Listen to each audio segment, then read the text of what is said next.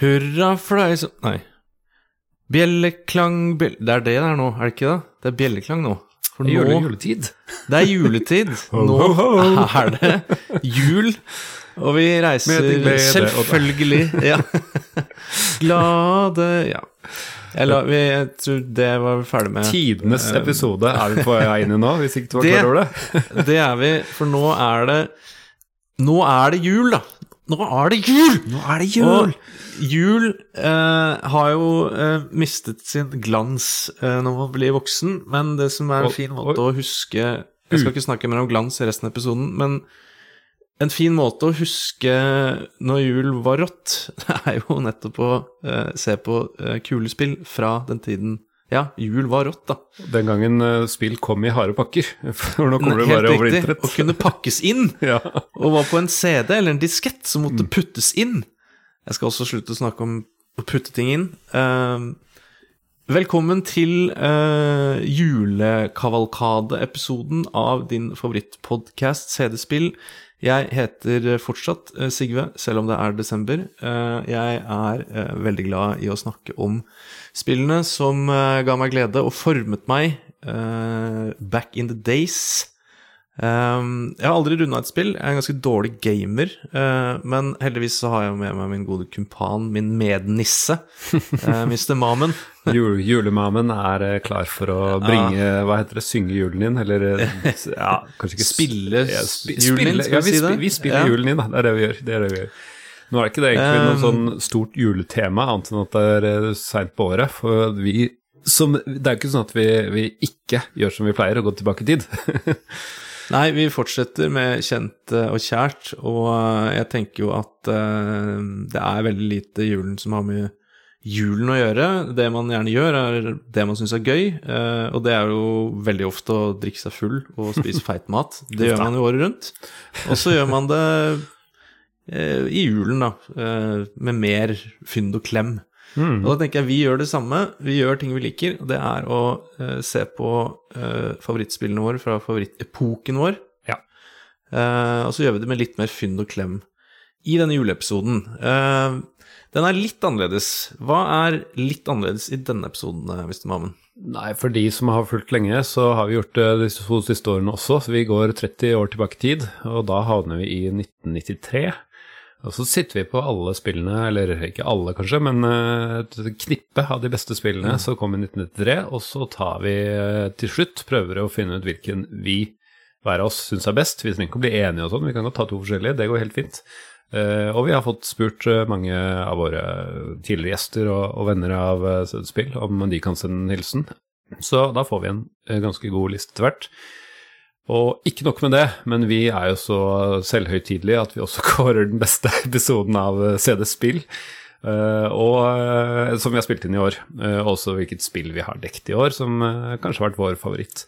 Så her er det mye å glede seg til. og mm, jeg vet erfaringsmessig at disse episodene pleier å bli veldig populære, så kanskje er det noen som ikke har hørt på så veldig mange episoder tidligere, som kommer hit. Og da håper jeg jo at dere kanskje får noen inspirasjon til å kanskje gå tilbake til, eh, til noen eh, tidligere episoder vi har spilt inn i år, eller, eller tidligere år, basert på det vi snakker om her. For når du hører på denne podkasten, da sitter jo du eh, på vei hjem eh, til en eller annen juleferie og er eh, altfor gammel til å spille data. Men nå er det jul, så eh, nå kan du benytte anledningen, eh, høre på eh, gamle episoder eh, fra oss og bli inspirert til å finne fram gamle spill. Og gjenoppleve julegleden. Absolutt. Det blir så bra. Og vi har fått som sagt litt hjelp. Jeg tenker kanskje at vi bare vi kan eh, la vår eh, gode venn Joakim Froholt åpne sulamitten ved å høre hva han har som sitt favorittspill. For eh, han eh, var en av de som sendte inn bidrag i år. Min kandidat for årets spill 1993 er The Settlers fra Bluebite. 1993 var et fantastisk spillår med mange gode kandidater, men for meg ville det Settlers alltid være på toppen av lista. Det kom til Amiga det året, PC året etter. For de som eventuelt ikke har hørt om Settlers før, så er det en krysning av bybyggerspill og krigsspill der fokus er på ressurser og infrastruktur. Det høres kanskje litt nerdete ut, så legg til at det- det har helt nydelig presentasjon som virkelig suger deg inn i samfunnet du lager. Da spillet kom ut, var det fullstendig unikt. Derfor er det dobbelt imponerende at det er så perfekt satt sammen som det er. Jeg har sikkert brukt et firesifra antall timer på Amiga-versjonen, både alene og i lokal flerspiller med delt skjerm. Er helt herlig spill. Så er det synd at serien har krasja helt etter at Ubisoft tok over. Men uh, heldigvis så finner vi mye Settlers-DNA i moderne indiespill. Til slutt, takk til CD-spill for et fantastisk år. God jul. Mange takk eh, til deg også, Joakim. Du eh, er jo en bidragsyter eh, for hver eneste episode, vil jeg si, Ja. med dine små artikler og at du gir oss eh, traction. Det er veldig gøy. Eh, knallsterk start med Settlers. Mm. For det er et spill du har eh, en av dine favorittspill, er det ikke det, Sigve? Ja, det er definitivt en av mine favorittspill. Det, det var en av de få spillene jeg faktisk fikk eh, til jul i eh, boks med gavepapir og Ja, det var ikke et spill som bare dukka opp. Eh, ja, nå hører kanskje broderen på. Det var strengt tatt broderen som fikk det, husker jeg. Men uh, vi krangla om alt. Men akkurat det der å spille data, da var det greit å se på og bytte på. Så det, det ble liksom Vi fikk spillet. Uh, har eh, meget stort antall timer i Settlers. Jeg har selvfølgelig alle runda det. Eh, det tror jeg broderen greide. Men eh, fantastisk eh, spillglede og grafikk og bare kos og hygge eh, på et veldig kjedelig grunnlag, da, som Joakim er inne på her. Men eh, eh, det er en god beskrivelse av spillet. Hmm. Eh, for det var Du har spilt mest toeren, har du ikke det? Eh, jeg eh, prøvde å finne fram til eneren eh, her, når jeg gjorde litt research. Eh, det, var, det var ikke så lett, eh, for jeg fant, jeg fant noe annet eh, som kalles for eh, surf, surf City, og da ikke, ikke surfebrett, men eh, tjener. Life is futile.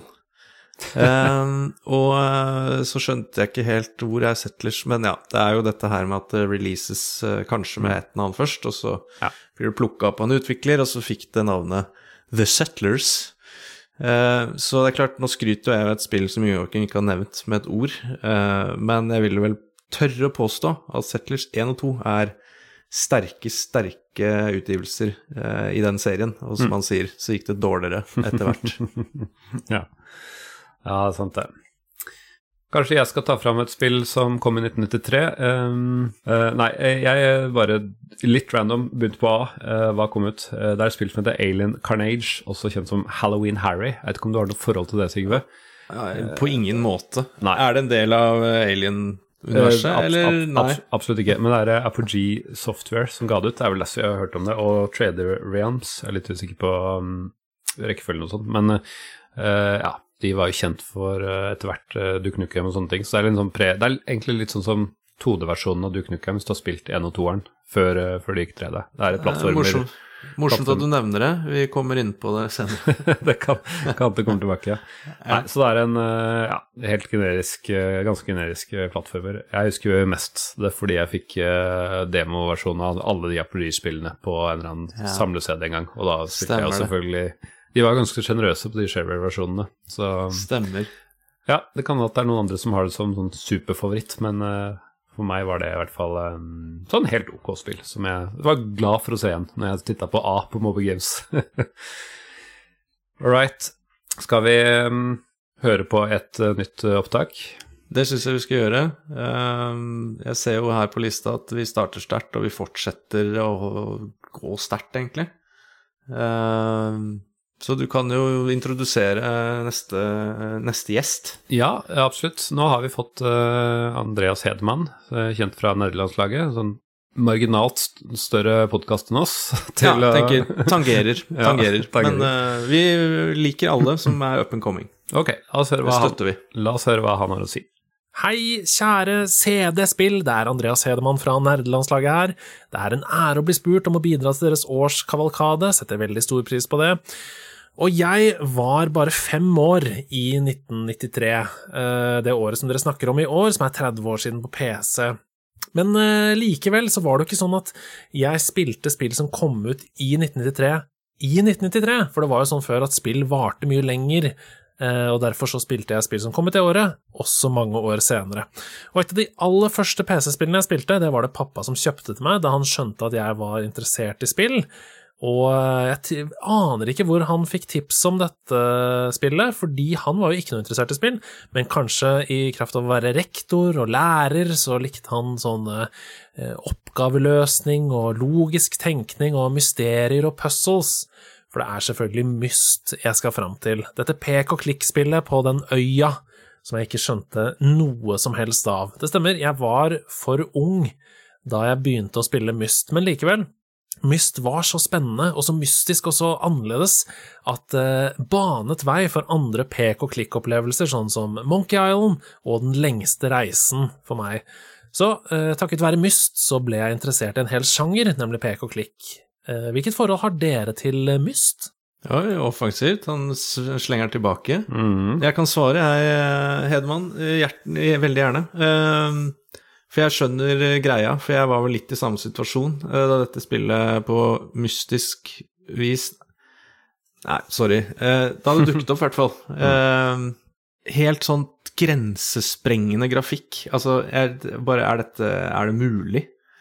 og stemning og, og, stemningsmusikk og alt.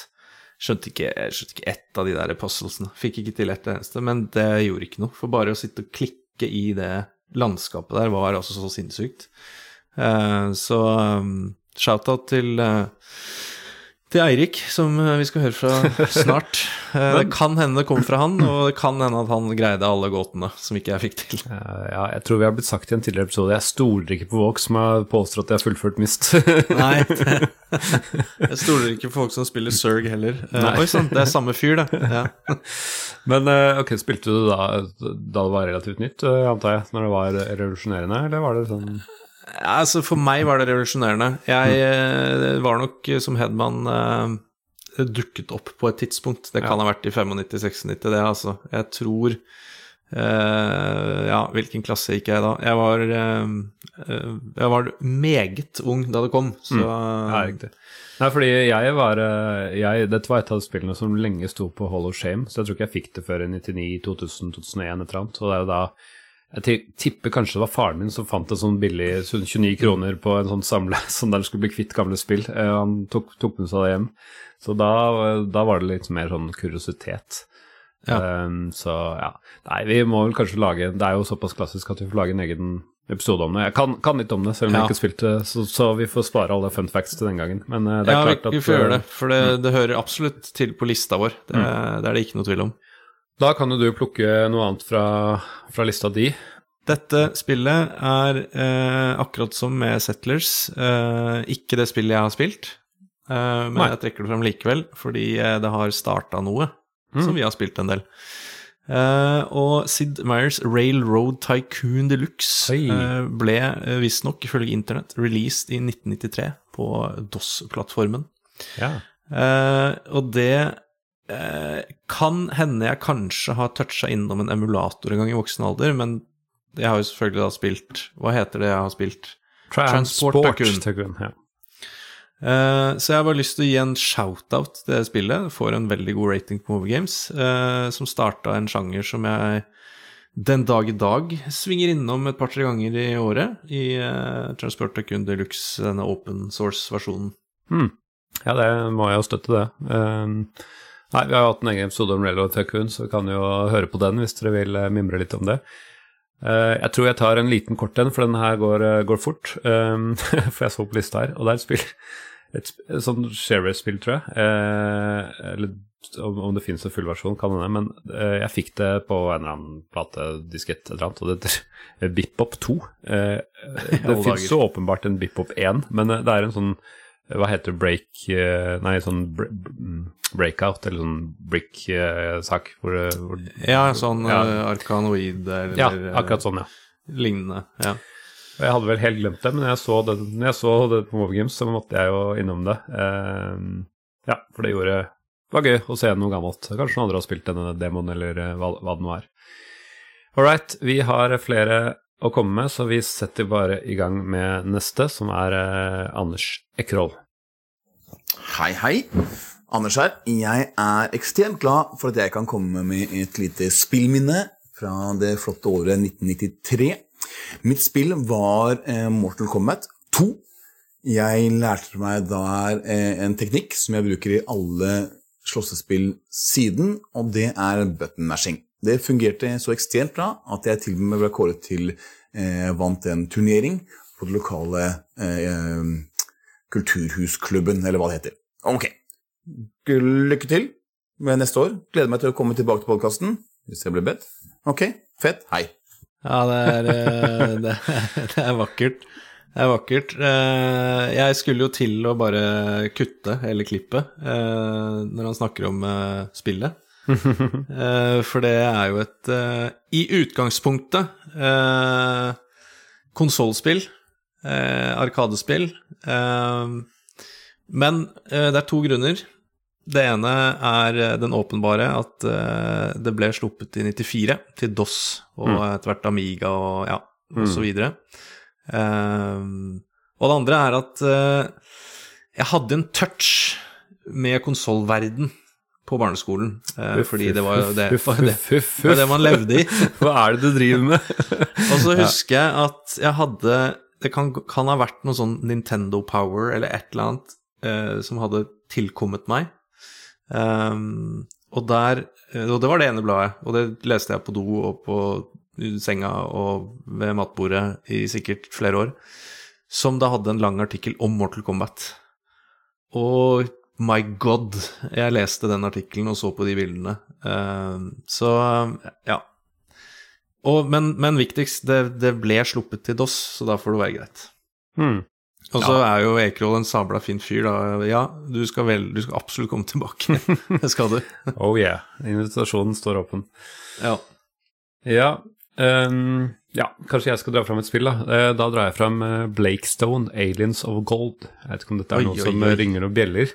Nei, jeg håper du blir mer kjent etter hvert. Ja. Eh, Det håper jeg. Nei, jeg har lyst til å dra fram både obskure ting og, og mer kjent. Nei, dette er rett og slett en ehm, en Wol- Wolfenstein 3D eh, reskin. Altså det er laget av de samme folka. Eh, eller er det det? det er av, nei, det er ikke det. Det er Apogee Software som, som vel ga ut eh, Wolfenstein, tror jeg. Men de har på en måte fått, fått motoren eh, av id Software og eh, lagd dette.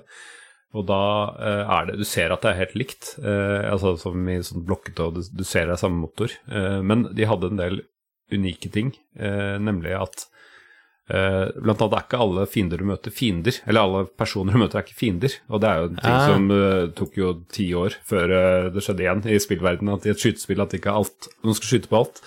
Uh, og det er jo knapt nok det i dag. Spill som ikke er skyt på alt. Så det, det var veldig sånn Selv om motoren var, hang litt igjen, og, og uh, mange skytespill som gjorde det var mer imponerende, så hadde det i hvert fall noe eh, unikt ved seg som uh, gjør at det vil si at det er mer enn bare en Wolf- Wolfenstein-klone, hvis du går, går i dybden. Nok en Apogee-spill som, som jeg har mye minner om. Eh, da kan jeg eh, Altså obskurt og obskurt. La meg hive meg på med i hvert fall Dette har jeg ikke spilt, men jeg tror jeg hadde spilt dritten ut av det hvis jeg hadde visst om det. Fordi eh, når jeg tatt og titta på den lista her, da, med 1993 og DOS, så er det et navn jeg kjenner igjen her. Jurassic Park. Oi. Eh, og det Jeg var ikke klar Altså, jeg vet jo at det har kommet masse Jurassic Park-spill. Eh, Noen mange dårlig, og noen ikke så verst. Eh, men i 1993 så ble det sluppet et spill som eh, het Jurassic Park, i all enkelhet. Det kan jo ha noe å gjøre med den filmen som ble sluppet i 1993. ja. Eh, decent rating på Mobile Games, faktisk. som er en slags sett ovenfra isometrisk skytegreie, hvor du er på oppdrag for å finne Som også switcher, ser jeg her på en sånn Let's Play, til Wolfenstein, altså 3D. Oi, ja. Eh, med de kjente dinosaurlydene, med uh, Spas 12, pumpehagla eh, til Modoon. Eh, så aldri spilt det, ble kjent med det nå, men siden vi starter litt sånn med, med ting vi ikke kjenner så godt, eller ikke Ja, så så tror jeg søren jeg må titte litt på etterpå. Jurassic Park, altså, i 93 til DOS. Perfekt. Da er det klart for en ny hilsen, for vi har så mange, så vi må bare brekke litt igjennom. Så får vi kommet gjennom det som er. Nå har vi fått en hilsen fra Audun Rodem fra gamer.no, som eh, vi har hatt som gjest her eh, to ganger, men det begynner å bli en stund siden sist. Warcraft, tror jeg det var. La oss høre hva han har å si. Hallo, CD-spill og lyttere av CD-spill. Det her er Audun Rodem fra gamer.no. Jeg har tidligere vært gjest, og ble spurt om jeg hadde lyst til å sende en liten sånn julehilsen, som var et uh, tilbakeblikk til et spill fra 1993 som jeg uh, husker veldig godt. Og som mange av de andre sikkert er inne på, så var 1993 et glimrende spillår. Men uh, det spillet som henger igjen mest i hjernebarken min fra det året, er ikke blant de mest kjente, tror jeg. Det var sånn at Da Paps kjøpte inn vår første PC, så fulgte vi et ganske merkelig spill på CD-rom som het Inca 2 Viracocha, eller også kjent som Inca 2 Nations of Immortality.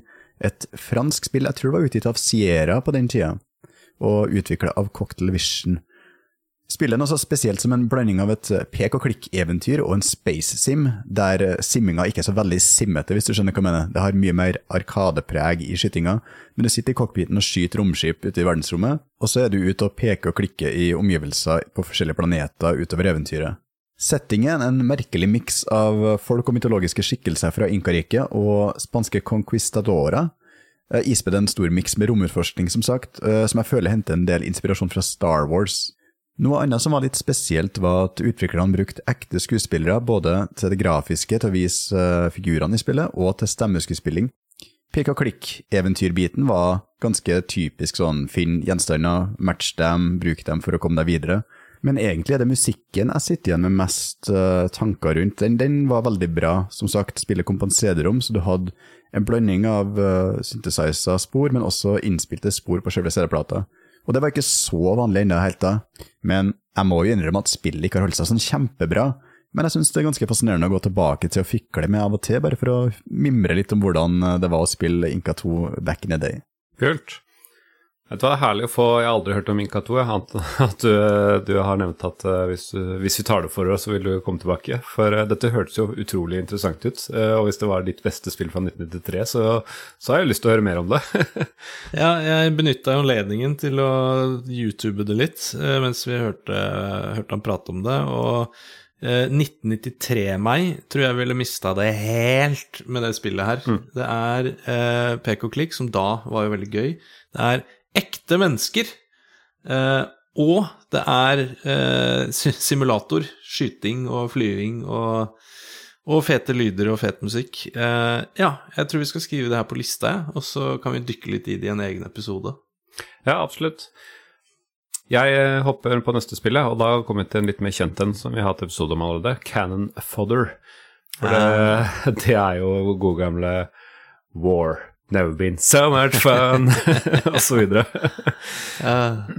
ja, det er jo en herlig eh, satire på krig, eh, og um, et ganske vanskelig spill må jo bare nevnes, men eh, jeg liker det, det, Ja, det var definitivt noe, som, som gjorde inntrykk på meg, og det var gøy å spille, selv om det var vanskelig. Så, ja. Det, det var min raske ting, hvis ikke du har noe mer å tilføye? Nei, uh, hør på episoden. Mm. Uh, jeg har funnet fram et spill som er mer kjent for meg. Uh, jeg vet ikke om det er liksom kjent, men Og jeg ser her så kalles det Jo, det er det jeg spilte, for det, det, kalles Lotus 3. Ser jeg her. Oh, ja. men det kalles også Lotus The Ultimate Challenge, og det ser veldig ut som det var det spillet jeg spilte. Ja.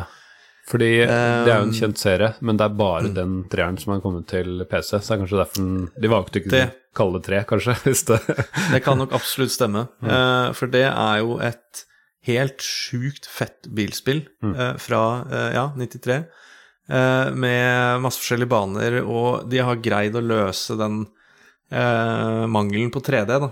Mm. Hvor veien kommer bare ut av midt av skjermen, ja, sånn som det var i Mm. Mange år før 3D faktisk funka. De har greid å løse det på en, på en, bare sånn fascinerende måte, så det er dritsmooth. Jeg husker vi snakka om det. At det var så mm. sykt bra graphics ja. i det bilspillet. Ja, ja. Uh, så kunne du velge flere forskjellige bilmodeller, og så kunne du gjøre masse tweaks på baner og races og masse, masse muligheter. Og dritfet musikk. Med sånn der rad, sånn bilradio. At du kunne liksom velge låter på bilradio. For det er sånn, eh, sånn outrun-stemning på det spillet, er det ikke det? At det er litt samme Veldig. Ja, mm. Veldig outrun-stemning. Eh, hadde du smekka på et lilla filter her, så hadde det vært eh, ja, outrun-stemninga. ja. Eh, eller det outrun er blitt, da. Ja, ja. Um, Jeg må bare gi shout-out til min nabo Yngve, som tok med dette opp til meg, og jeg fikk, uh, fikk låne Eller ja, det havnet på min PC, Ja. for takket være han. ja, du glemte å Ja, ja, ja var det. Ja. Sånn, lenge siden. Mange år siden. Uh, Så det var kult du nevnte, for jeg spilte vel Kanskje han tok meg tilbake, for jeg kan ikke huske jeg spilte så mye, men jeg tror det var dritkult det lille jeg spilte det, i hvert fall. ja. Jeg spilte dette her. eh, Det blir flere shout-outs til Larseren. Shoutout til Larseren. Shout jeg husker Der spilte jeg det mye. Så det er et eh, dritbra spill fra 1993. Vet du hva, jeg bare smekker inn enda et spill før vi tar neste, for er, det er veldig kort. Uh, Men det startet en hel um, sjanger, på en måte, eller subsjanger, uh, der spillet heter Capture Flag. Uh, Og det er jo Man kjenner jo kanskje til det fra RTS-spill og andre og FTP-spill og diverse, men det er rett og slett to lag som skal prøve å finne flagget og ta det med tilbake til sitt eget flagg, i en veldig sånn top down-sak. Og du har eh, jeg tror jeg, åtte spillere på hvert lag, og hvis du finner motspilleren, så kan du banke de opp. og så må du gå tilbake til, eh, Nice. til midtlinjen. Uh, og det er veldig sånn fog of war, eller sånn du ser ikke bak epletreet, eller du må liksom gå rundt for å lete ting, da. Så okay. det, er, okay. det er som et Altså det er et skjult Det er sånn som FPS, nei, RTS-spill, at det er Det begynner svart på motstanders banehalvdel, riktig, og så må du lete. Det tror jeg bare kom i en eh, Jeg er litt usikker på om det bare Jeg hadde i hvert fall bare en share-versjon av det. Eh, om det kom noen full versjon, vet jeg ikke, men det skapte jo det, Ja.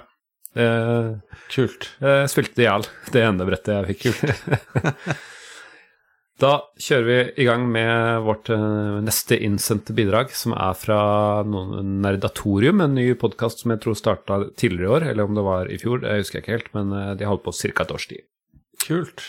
Hallo, dette er André fra Nerdatorium. Eh, du hører på CD-spill. Eh, vi har fått beskjed om å, eh, trekke fram et spill. Nå er jo det vi to stykker her, jeg og Maurice. Hallo. Så vi tar ett spill hver, tenker vi, som kom ut i 1993. Da var jeg 13 år. Eh, jeg vil dra fram eh, et obskurt spill, for jeg har fulgt med på, på CD-spill. Eh, litt teit å ta fram de spillene dere allerede har hatt der, men jeg vil dra fram et spill som heter Psycho Santa. Som kom, på, kom ut på, på, i et blad, husker jeg. I et Amiga-blad. Dette var Amiga 500 jeg spilte. Alltid Psycho- noe obskurt. ja, ja, ja. Ikke sant? Og Psycho Santa er dritbra. Ikke sant? Det- du er nissen, skal kaste snøballer på noen demoner oppe i himmelen, og så skal du gjøre folk glad nedpå jorda i husene sine ved å kaste pakker på de. Og bonusbrettet mellom alle brettene er at du har en hoppestokk, og så skal du ta masse gaver oppi et tre. Og så er det vel syv levels, og så er du egentlig bare ferdig. Veit du hvem, Maurice, som utga dette spillet? Bare dra eh, eh, Hvis du tenker på en Blizzard. Å nei! Bullfrog, som du har en forhistorie med. Gud! Hæ? Bullfrog! Tenk deg det. Hæ? Ja, bare å skrive til de. De svarer, de. Ja, ikke sant? du da, Maurice? Jo, altså For eh, meg så har jeg valgt ut eh, et spill som eh, Altså Initielt så ble det gitt ut på, på Super Nintendo i 93. Eh, og så bare raste det på å komme ut på Amiga, og så kom det ut på DOS eh, og eh, Amiga CD32. Åh, det er sexy. Ja, og så bare fortsatte det. I 2003 så var det relaunch da på Gameboy Advance, og i eh, 2021 så ble det sluppet på Windows, på Switch, på PlayStation 4 og Xbox One. Dæven. Og det er en grunn til det, fordi eh, spillet som heter eh, The Lost Vikings, ja, det er da altså eh, du har, eh, Det er tre vikinger som har blitt uh, fanga, og så skal de komme seg ut. Og hver viking har én skill. Og den skillen da, det er eh, Erik. Han kan eh, løpe fort. Og så har du Baylog. Han kan eh, drepe med, med sverdet sitt. Eh, og så har han eh, Han har også en bue eh, med lifetime supply. Ja? Uendelig med buer, og det er veldig bra. Og så har du Olaf da, som kan blokkere. Og så må du da løse hvert brett som en sånn puslegreie. Så bare, ok, Han må løpe dit, og så må han blokke der, og så må han andre løpe gjennom, og så må han drepe han. Ikke og, så må han eh, og mens de gjør det, så må den andre gjøre det. Og samarbeid, da. Så du, det er en øvelse i samarbeid. eh, og, og, og, og tenking. Hør på Nerdatorium, da, folkens. Takk. Jeg liker det. Det er nydelig.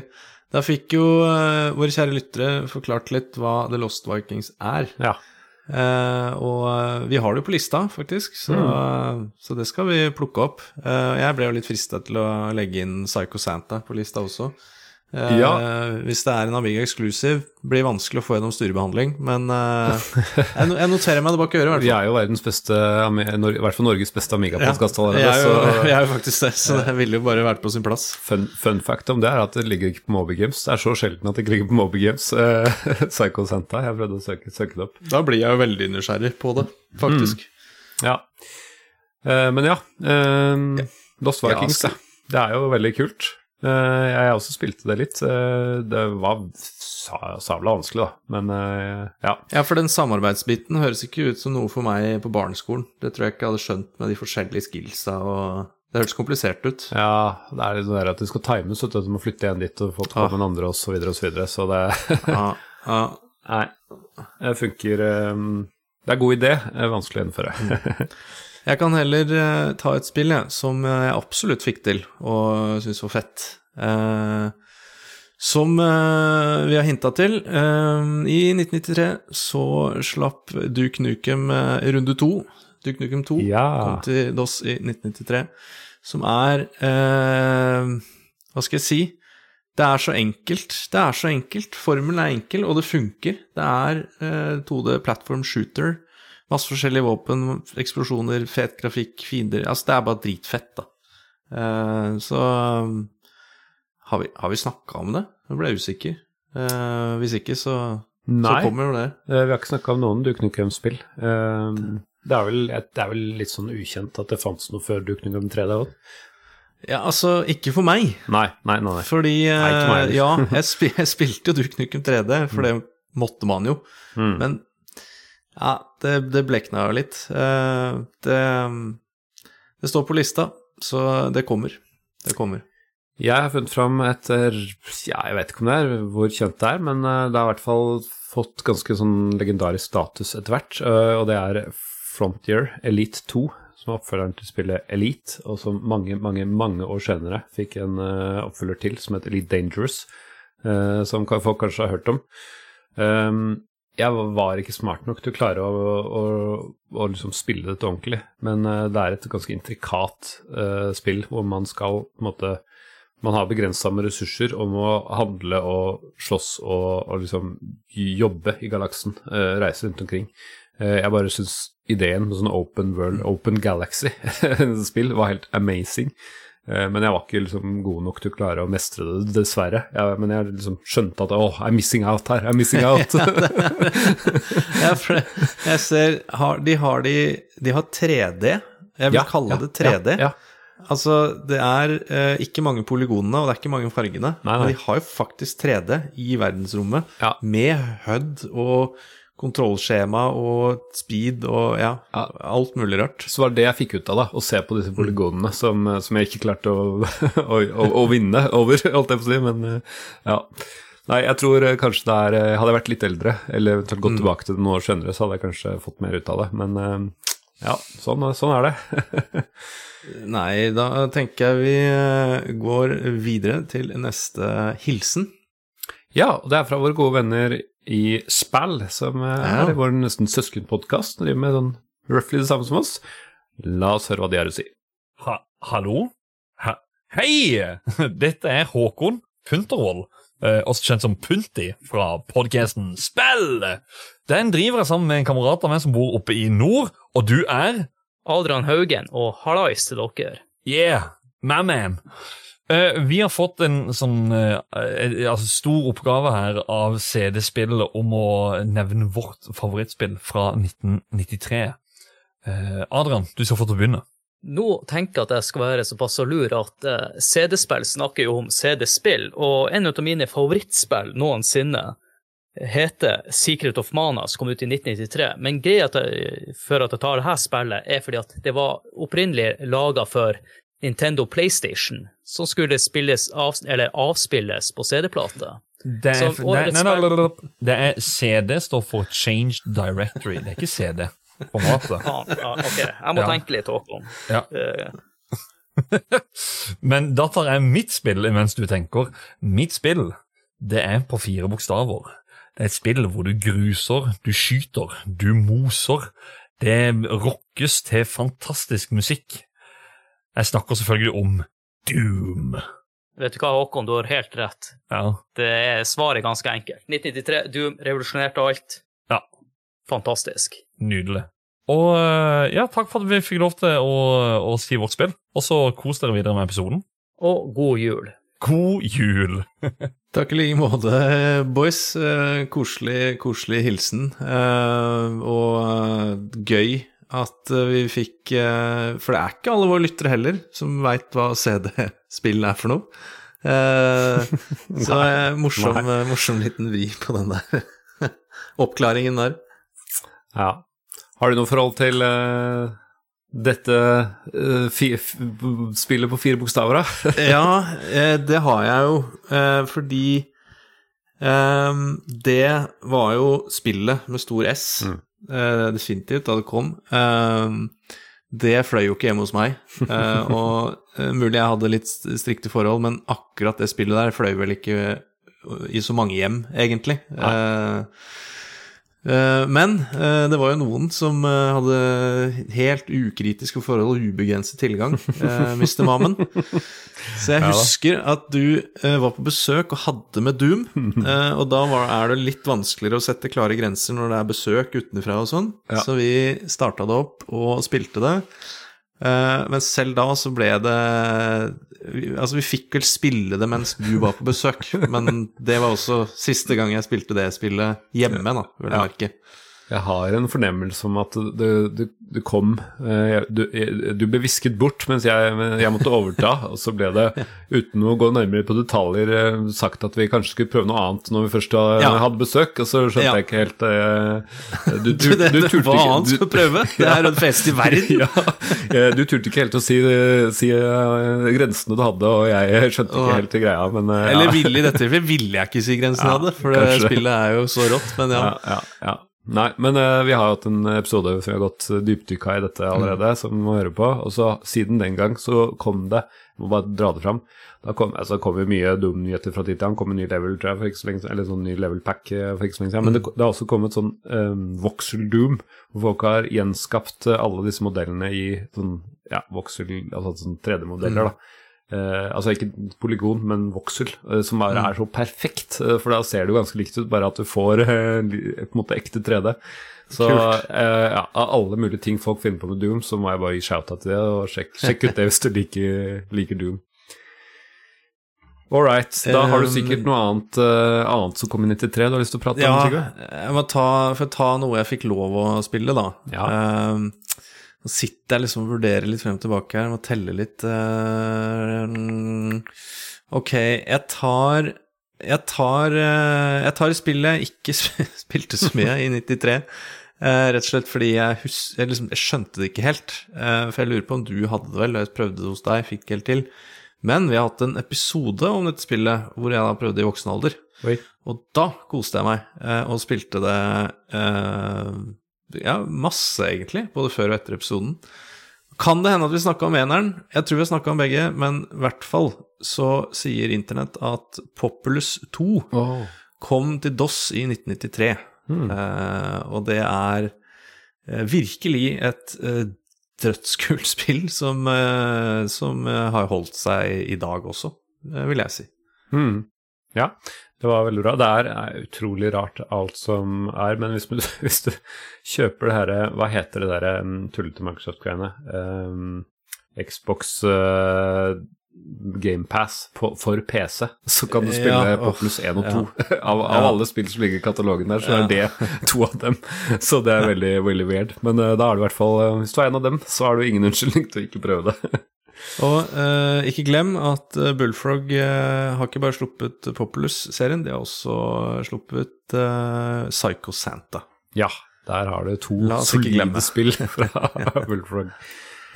Eh, Du lovte en juleepisode, så jeg velger å gjøre det til en juleepisode ved å snakke om ikke bare Psycho Santa, men Holiday Lemmings, som eh, altså var denne Vakkert. demon demoen som hadde Lemmings med nisseluer, som da kom til jula i 1993.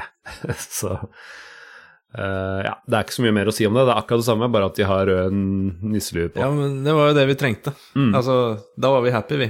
Back in the days. Absolutt. Og jeg jeg jeg er ikke flau for å ta imot en reskin av et bra spill en dag i dag, jeg. Så hvis Nei. det er bra spill, så er det greit for meg.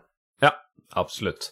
Da tenker jeg vi eh, kan gå til eh, neste innsender, vår gode venn, min gode venn, og kilden til mange av spillene jeg har vokst opp med.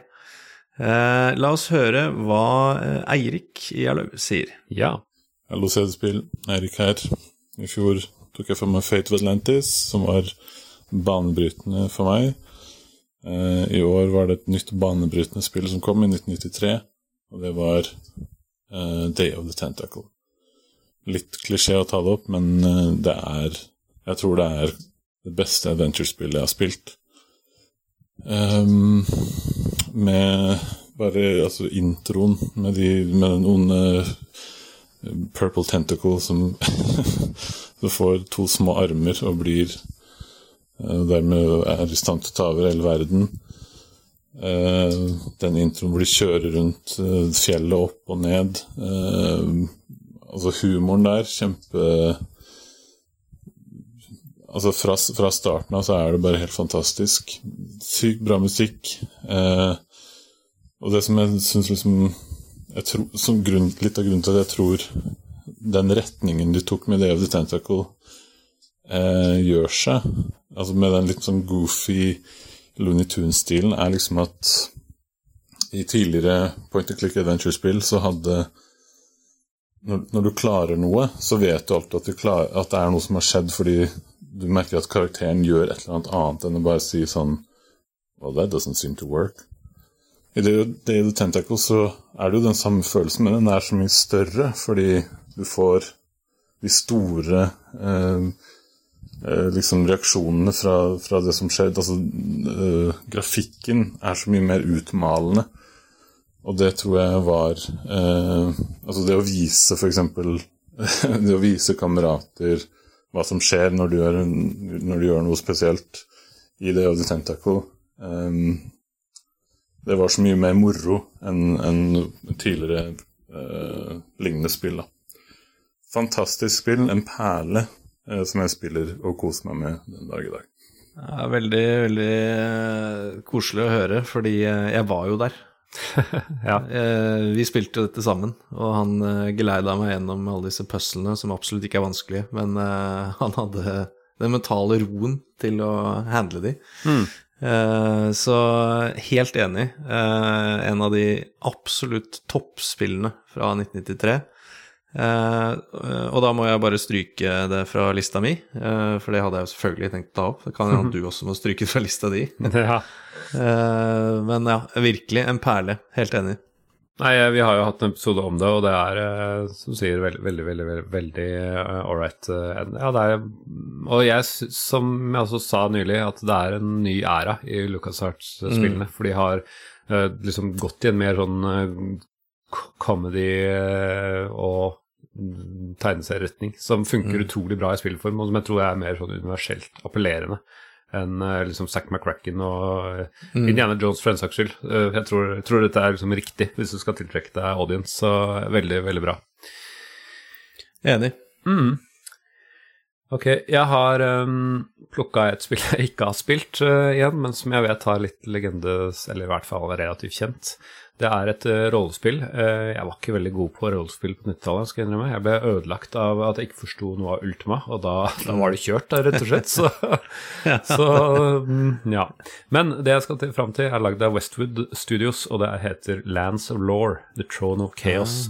Og det har et utrolig kult cover. En sånn eh, altså, Jeg vet ikke om det er en heks. eh, jeg tror kanskje det er en Om det er mann eller dame, skal jeg ikke si, men det er veldig sånn heksestor potetnese, og eh, det ser så utrolig kult ut, dette greiene. Eh, og jeg tror at jeg kanskje har at, at fetteren min hadde det, og jeg prøvde det og så liksom så amazing ut.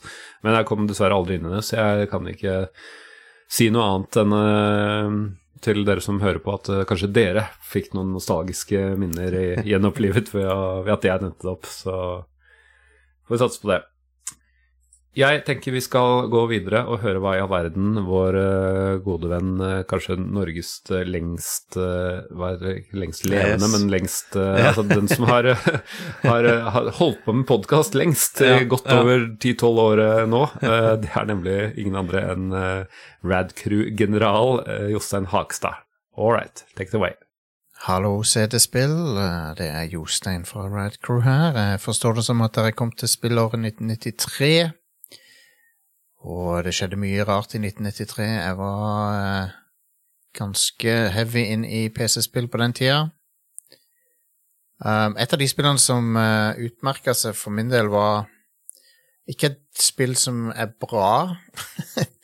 um, og uh, det er, ikke, det er heller ikke eh, det beste i, i, i serien sin engang. Det fins to av dem, men det var det første. Um, og det var Star Wars Rebel Assault fra Lucas Arts. Det som gjorde det litt uh, unikt på den tida, var jo at det var en um, en, skal vi si, en FMV-videobasert shooting gallery-type spill. Um, on rails-shooter, om du vil. Um, og det dro nytte av uh, CD-rom-teknologi um, for å få til det. Ti relativt tidlig CD-rom-spill. CD-rom-æraen varte ikke så lenge når du tenker på det. Men, men Rebel Assault var um, uh, Oppfølgeren klarte det bedre, men Rebel Assault var en måte å på en måte uh, immerse deg i Star Wars-universet på en måte som ikke var mulig før det, av CD-rom-mediet. Uh, så du hadde musikken fra, fra, til John Williams var der, fullt digitalisert, ikke midi. Og du hadde CG-genererte landskap og, uh, og romkamper og sånn. Og uh, når du ser på det i dag, så er jo videokompresjonen helt latterlig, og det ser jo ikke ut i måneskinn, det spillet her, men den gangen så var det faktisk litt imponerende. Og og jeg liker å se tilbake på, på denne æraen av Star Wars-spill, for vi var jo egentlig midt mellom Det var jo på en måte spillene som holdt liv i Star Wars, i 20 år, mellom Return of the Jedi og um, Phantom Menace. Så, så du hadde dette, du hadde Tie Fighter, X-Wing um, og sånne ting. Men, men Rebel Assault, jeg har litt forkjærlighet for det. det. Det er ikke bra, men jeg liker det. Dere vet åssen det er av og til. All right. Uh, da skal ikke jeg prate mer. Um, og uh, da ønsker jeg alle et uh, godt nytt år. Takk for det, Hakis, som jeg kaller den. Hakis blant venner. Uh, ja, vi har vel alle de spillene hvor uh, det er egentlig ræva, det var ræva, men eh, så var det det vi hadde, og så var det det som skapte god stemning, og så var det Så Kjenne følelsen. Kjenne følelsen. Det var et av spillene Jeg husker ikke om vi hadde hele, eller om det bare var en demo, men det var et av de første jeg fikk på CD-rom. Eh, det var sikkert noen demo som fulgte med noen andre LucasArts-greier. Eh, så derfor spilte jeg en del Prøvde jeg å spille, men jeg klarte aldri å mestre det noe særlig. for Det var vanskelig og det var dårlig. Men jeg jo Jeg, jeg skjønner jo appellen, for det var jo kult. Det var Star Wars, og det var uh, Shooting Gallery med noe som så ganske imponerende ut på, på en CD-rom. Så ja. Ja, vi, vi, vi har jo hatt en episode om Command and Conquer, og vi husker jo hva vi syntes om FMV-en Ja. da den kom. ja. Mm. Eh, det var jo helt sjukt. Eh, så ja, det, det er lov å plassere det i tid, ja. Mm. Det er det. Jeg fant et spill som jeg tror jeg har hørt om, og som jeg håper du har hørt om, som ble sluppet eh, til DOS i 1993, eh, som heter Return to Zork. Eh, og eh, ellers så bare fikk jeg en vibe her på, eh, på at det ligner på mye annet som vi spilte. Eh, pek og klikk. Eh, Utvikla Activision. Eh, og eh, ja, hva skal vi si Eh, En slags blanding av ekte mennesker på eh, 3D-bakgrunner. Eh, Så jeg er jo litt nysgjerrig, eh, for så vidt, på lytterne, om det er noen som kan liksom hjelpe meg å uh, jolt my memory på det spillet her. Uh, for det er jo, eh, det er jo sjølveste Activision, så det er jo storspill. Skal Ja. vi vite. Jeg tror, ja, jeg, tror ikke jeg har spilt det. Eh, Jeg, tror ikke, jeg vet ikke om det var Det kommer vel til en haug av andre plattformer nå, tenker jeg. Så jeg tror kanskje ikke det var hoved, hovedplattformen var, var DOS. Det kan jeg har, tenkes. har kanskje formening om at jeg hadde en i klassen med Trond, og at han hadde det hjemme hos seg på en eller annen maskin, om det var PC-er eller noe sånt. Men eh, det er eh, i så fall den eneste kontakten jeg har eh, hatt med det. Men eh, Men det er jo et kjent navn. Det er et kjent navn. Får vi håpe Trond eh, melder seg på og Ja. hjelper oss litt med eh, Return to Zork her. Jeg ser jo det er gode grunner til at ikke den pek og klikk-varianten vant over uh, Scum, for å si det sånn. Ja, ja riktig. Så en liten raring der. Jeg har titta, og fy søren hvor mye Apogee ga ut. De var jo produktive. Og nå har jeg funnet enda et Apogee-spill som, eh, som kom i 1993. Og det er um, shoot them up-spillet Major Striker, eller Major Striker, eller um, Ja. eh, Major Striker heter det på min, min, min tid. Og det er, ja, som sagt, en shoot em up. eh, sikkert ikke noe veldig unikt, men det var vel kanskje et av de første Eller det er ikke så mange jeg har spilt, skal innrømme det, men dette var et av de jeg virkelig spilte mye og klarte å runde etter hvert, da, for jeg fikk, fikk fullversjonen. Eh, vi var vel så vidt innom det i Tyrian. Jeg, jeg hadde aldri spilt Tyrian. Eh, Du tror jeg aldri hadde spilt det her, men vi får Mm. vel ta for oss det mm, ja, kanskje neste år eller året etter her, og så kan vi Ja, sammenligne, sammenligne notater.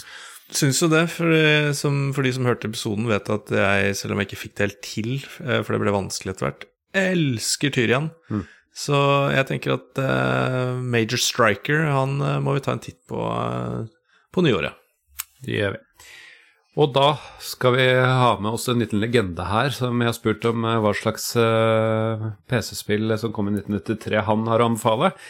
Ta godt imot eh, Jon Cato Lorentzen. 1993 er jo et, eh, egentlig et helt fantastisk spillår, og kanskje det beste året noensinne for eventyrspillsjangeren. Er på en måte et sånn siste blast fra de klassiske pek-og-klikk-spillene, eh, samtidig som Myst kommer og innfører, og Seventh Guest, og innfører en ny måte å oppleve eventyr på. Så det er et år tettpakka med eventyrspill, men hvis jeg, hvis, når jeg graver litt i alt Det kom veldig mye bra i 93. Altså, det er Doom, det er, det er helt sykt mye ikoniske spill. Men jeg vil dra fram et som er litt på sidelinja, men som er fortsatt et av verdens beste partyspill. Jeg spilte det sist for bare noen uker siden på hyttetur med venner. Eh, Jeg snakker selvsagt om Super Bomberman fra Hudson Soft, som kom på Super Nintendo i 1993. Og med en sånn der multitap-adapter til Super Nintendo, så kunne man koble til to ekstra kontrollere og være fire stykk. Eh, på denne sy sy et symmetrisk rutenett med en Bomberman i hvert hjørne. Dette høres veldig ut som et uh, konsollspill, uh, gjør det ikke det? I alle dager, legenden har eh, falt fra Ja, nå tror jeg han har misforstått oppgave. Eh, Får vi Skal vi se, er det i det hele tatt mulig å finne det på Skal vi se, da må vi spørre internett, da. Hvis det har blitt sluppet, men uh, Se her, da. Nei, vet du hva, her, eh, Jon Cato, har du ikke gjort leksa di. Vi spurte om eh, Jeg var veldig klar. Eh, Vi skal ha et eh, PC-spill. Vi kan godta eh, Amiga, Commodore, andre hjemmedatamaskiner, men konsoller Ja, ja. der eh, Nei, nå Altså, jeg kasta et bein til han, han er jo en Amiga-mann, han, er det ikke det? Han er definitivt det. Eh, men uh, Jon Cato, tusen takk for veldig uh, koselig hilsen, og at du bryr deg om de podkastene som er litt nyere og litt mindre. Og Doom er til PC, sluppet i 93, og et helt sinnssykt bra spill. Så det er en sterk, sterk anbefaling. Tror jeg har spilt noe sånn Bomberman-greier, altså det er faktisk litt gøy, men eh, Da kan vi jo bare shoute out en tidligere episode i år som var Destroy, som eh, var en Bomberman-variant. men det kom vel ikke i 93, dessverre. ok. Eh, hadde du en, um, et nytt spill eh, til oss som er faktisk kom til PC? Ja, det har jeg, vet du. Ehm, Jeg kom over en liten, eh, en liten snack her som jeg tror jeg spilte hos eh, Werner, så shout-out til Werner. Wow. Eh, kan det tenkes eh, at jeg kanskje ikke spilte toeren, som jeg skal snakke om eh, kort. James Pond 2. Codename Robocad kom til DOS i 1993. Og alt annet, eh, både før og etter, egentlig. Men da treffer det på kriteriene. Um, Sidescroller, shoot them up eh, i, pakket inn i barnevennlig, koselig fisketematikk. Ja, Er det ikke en slags plattformer, da? Eh, Jeg, jeg har også Jo, spilt en, ja, nei, ja. demo av dette. ja. Plattformer. eh, god, god presisjon. En plattformer. ja, hvor du skyter på ting, og skal plukke opp ting, og skal komme videre til neste brett, og ja Veldig sexy beskrivelse, men eh, det bare traff meg veldig. Jeg lurer på om på et eller annet tidspunkt der så hopper du oppi en eller annen slags sånn lite propellfly, eller Så det var ikke bare å løpe rundt, men du kunne bruke elementer i spillet òg. så James Pond fra 1993 eh, husker jeg som et ganske gøy eh, plattformspill, og vi mener jo at plattformspillet aldri slo an på PC, er det ikke det vi mener her i kanalen? Jeg tror kanskje vi må begynne å spise hatter. i- jeg, tror, jeg tror det, for det blir bare flere og flere og flere, da. Eh, ja, så James Pond eh, 2, da, folkens. Ja, jeg tror at dette var et typisk Amiga-spill, sånn som mange spill på den tida var. For jeg tror jeg har hørt mange, mye Amigo-folk snakke om dette. Så Det ble kan- sluppet eh, i 91 eh, til Amiga, eh, og for så vidt Genesis, eh, så det var der det kom opprinnelig. Det stemmer, det. Så fikk det vel en, en re-release videre på DOS i 93, da. Mm. Eh, Jeg bare nevner fort før vi hører på neste nestemann, som forhåpentligvis har klart å velge et eh, DOS-spill. Eh, Et spill jeg ikke har spilt, som heter Sim Farm. Jeg har spilt noen andre Aha. Sim Tower, okay. som jeg hadde sist, og sånn, men Sim Ja, Farm er nytt for meg. Og Sim Ant har du spilt, og Ja. Sim Life har du vel prøvd? Nei, jeg har ikke det. Nei, Så- det skal vi ikke prøve heller, var det ikke sånn? Jo, det var litt sånn. Det var en diskusjon eh, på, på spillhistoria om forrige episode om Sim Tower, om Sim Farm var eh, mer eller mindre kjent enn eh, Sim Ja. Altså hvem som var mest kjent, da. Sim Tower og Sim Farm. Jeg vil stemme for Sim Tower, men det er, Joakim er uenig, og det er helt greit. Ja, det, han skal få ha sin mening. hva i granskauen er Sim Farm, men det er greit. Ok. Ålreit, nå skal vi høre på nok et innsendt bidrag fra Martin Gjesdal. Take it away. Hei, Martin Gjesdal her, fra ikke-gaming-podkasten Flisespikkeriet. Jeg var med i Simon the Source-episoden, og jeg skriver litt på spillhistorie.no. 1993, det var et brytningsår for oss som var glad i Amiga. Det var ikke det helt siste store året for Amiga-spill, men det var lett å se skrifter på veggen når for eksempel LucasArts slutta å støtte Amiga-spill for nye eventyrspill, i dette tilfellet Day of the Tentacle. Men for mitt spill så skal vi til Storbritannia, vi skal veldig til Storbritannia. Simon the Sorcerer ble gitt ut av Adventuresoft i september, og var et typisk eventyrspill fra den tida hvor eventyrspill pika. Det dette spillet manglet på fokus og ulogiske gåter, tok det igjen på musikk, humor og ikke minst fantastiske grafikk. For min egen del ble dette òg starten på PC-spilling, ettersom dette var et av få skikkelige spill. For min egen del ble dette òg starten på PC-spilling, ettersom dette var et av få skikkelige spill jeg fikk til på familien sin gamle 286. Om spillet er verdt å spille i dag, det er litt usikkert, men minnene gjør meg varm i hjertet hver gang jeg tenker på det. Takk for meg. Det er radiostemmen sin, det. Eh, det eh, var eh, en episode jeg ikke var med i, kan det stemme? Det stemmer. Det var mens du var på tjuvperm, rett og slett. Det er helt riktig. Jeg, jeg var AWOL. Mm. Eh, Men eh, det var en meget god episode som Martin var med og virkelig klarte å, å, å selge inn. Eh, Og det, ja, han, eh, hvis, hvis du ble nysgjerrig på hvorfor det er så bra, så får du høre den episoden, for eh, det er mye Det er godt begrunnet. Ja. Eh, For du hadde ikke noe forhold til det? Nei, jeg, husker liksom navnet, eh, og at du har snakka om det, Mm. men eh, det, har, eh, det har jeg gått glipp av, eh, dessverre. Simon the Sorcerer. Noe du ikke har gått glipp av, det er eh, Ja, du har sikkert et nytt navn på, på lista. Jeg har et nytt navn på lista. Uh, jeg tenker at vi kan gå til Skal vi se, jeg skal bare klikke meg fram her. Uh, nå har jeg sett litt på hva jeg har igjen her, så jeg tar også bare gjør unna en stor tittel, jeg. Ja, og så kan det hende at da stjeler jeg fra deg, men jeg stjal jo spillet fra deg, så um, Dette er uh, egentlig bare videreføring av uh, spillet som Eirik snakka om. Det er Sam Max Hit The Road. Oh, ja. Som uh, er ikke en oppfølger, men en etterkommer. En Ja. neste, neste store. Ja. eh, som kom i eh, 1993. Men nå begynner jeg å lure. Tenk. Kom Sam Max og ja, David Ja, Tentacle tenk. samme år?! Tenk det! Det er helt sinnssykt! Det er altså to av de beste spillene fra ja, ever! samtidig. Ja, altså uh, Har vi hatt episode Nei, om Sam Max? Vi har ikke det, og det kan dere glede dere til, for her er Ja. entusiasme, merker jeg. Men jeg Ja, må, må bare dra fram et minne med en gang, og det er uh, oss to. Det, det var et av de første spillene som jeg spilte hjemme hos deg, så vi ble kanskje venner i sånn 93, da? 93-94. Ja, det er takket være Sam Max. Og da hadde jo du CD-rom-versjonen, for jeg hadde bare diskettversjonen. Og jeg bare ble- syntes jo det var så kult med stemmer og alt det var. Uh, og det, ja, det gjorde inntrykk eh, å få, Det- få oppleve det. Så det, det, det forbinder jeg med deg. Det, er rett og slett er- et deg-spill. Det er veldig koselig, uh, og det hadde jeg på CD-rom, fordi det hadde Eirik med på CD-rom, Uh, for han fikk det av uh, faren sin. Bok, full big box og alt, så da havna han hos meg etter hvert.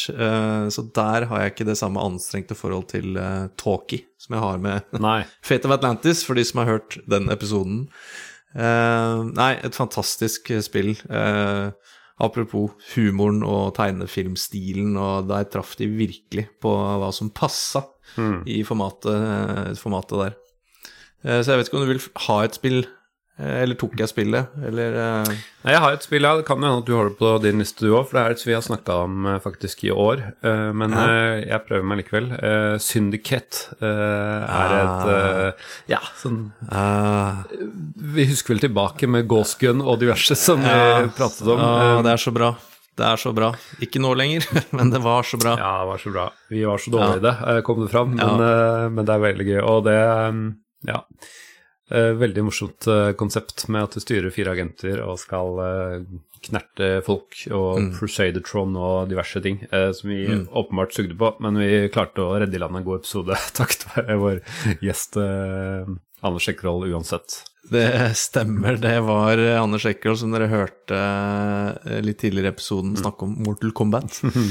Han var gjest i Syndicate, eh, og det spillet er eh, Ja, det, det er kanskje ikke superduper spillbart i dag, men du og du for et design og for en stemning og musikk og graphics og bare alt. Så ja, eh, da må jeg velge et annet spill til topp tre, men det er veldig bra. Sterk tittel. Da er det vel bare å kline til, da, og høre hva neste innsender har å si. Yes, denne gangen er det Roar Granvang som eh, vi har hatt som gjest tidligere i år på Jagged Alliance. La oss høre hva han har å si. Betrayal at Krondor. Et RPG med flott grafikk, utmerket stemning og søt musikk. Samt en spennende historie. Dette spillet ble utviklet av Dynamics og utgitt av Sierra. Man spiller tre personer, og man ser ut fra øynene på disse tre personene i et eh, førstepersonsview. Alternativt kan man se de rett ovenfra, for lettere å finne hemmeligheter og sånn. Man har også et oversiktskart over hele verdenen og muligheter for teleportering. Hvis man går inn i fiender, eller fiender klarer å overraske deg, så blir det kamp. Og man får se venner og fiender isometrisk ovenfra. Man tar turer etter initiativ, og man har krigere, og man har magikere. Hvor krigerne kan skyte eller slå med sverd, og magikerne kan kaste spels. Man har også andre type encounters med feller, hvor det er litt mer puzzle enn rein kamp. Historien den er satt i Midkemia-verdenen til Raymond E. Feist, og det er skrevet en del eh, romaner om denne Rift War-krigen.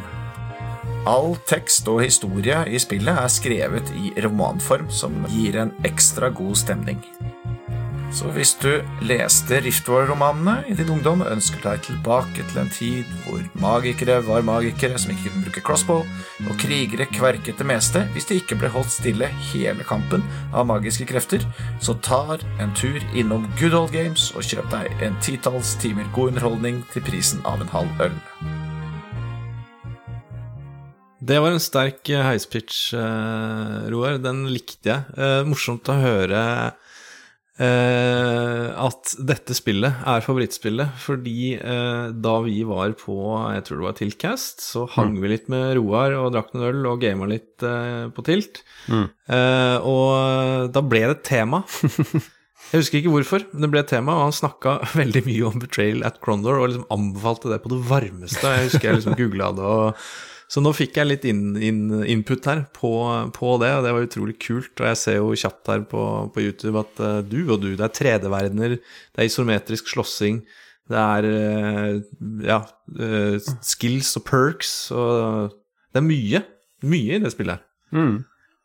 Ja, eh, jeg har aldri hørt om det, eller kanskje jeg har hørt tittelen, det skal jeg ikke si, men jeg har i hvert fall aldri spilt det. Men uh, nå har jo Roar Granvang gjort en uh, god innsats for, å- for å gjøre det kjent.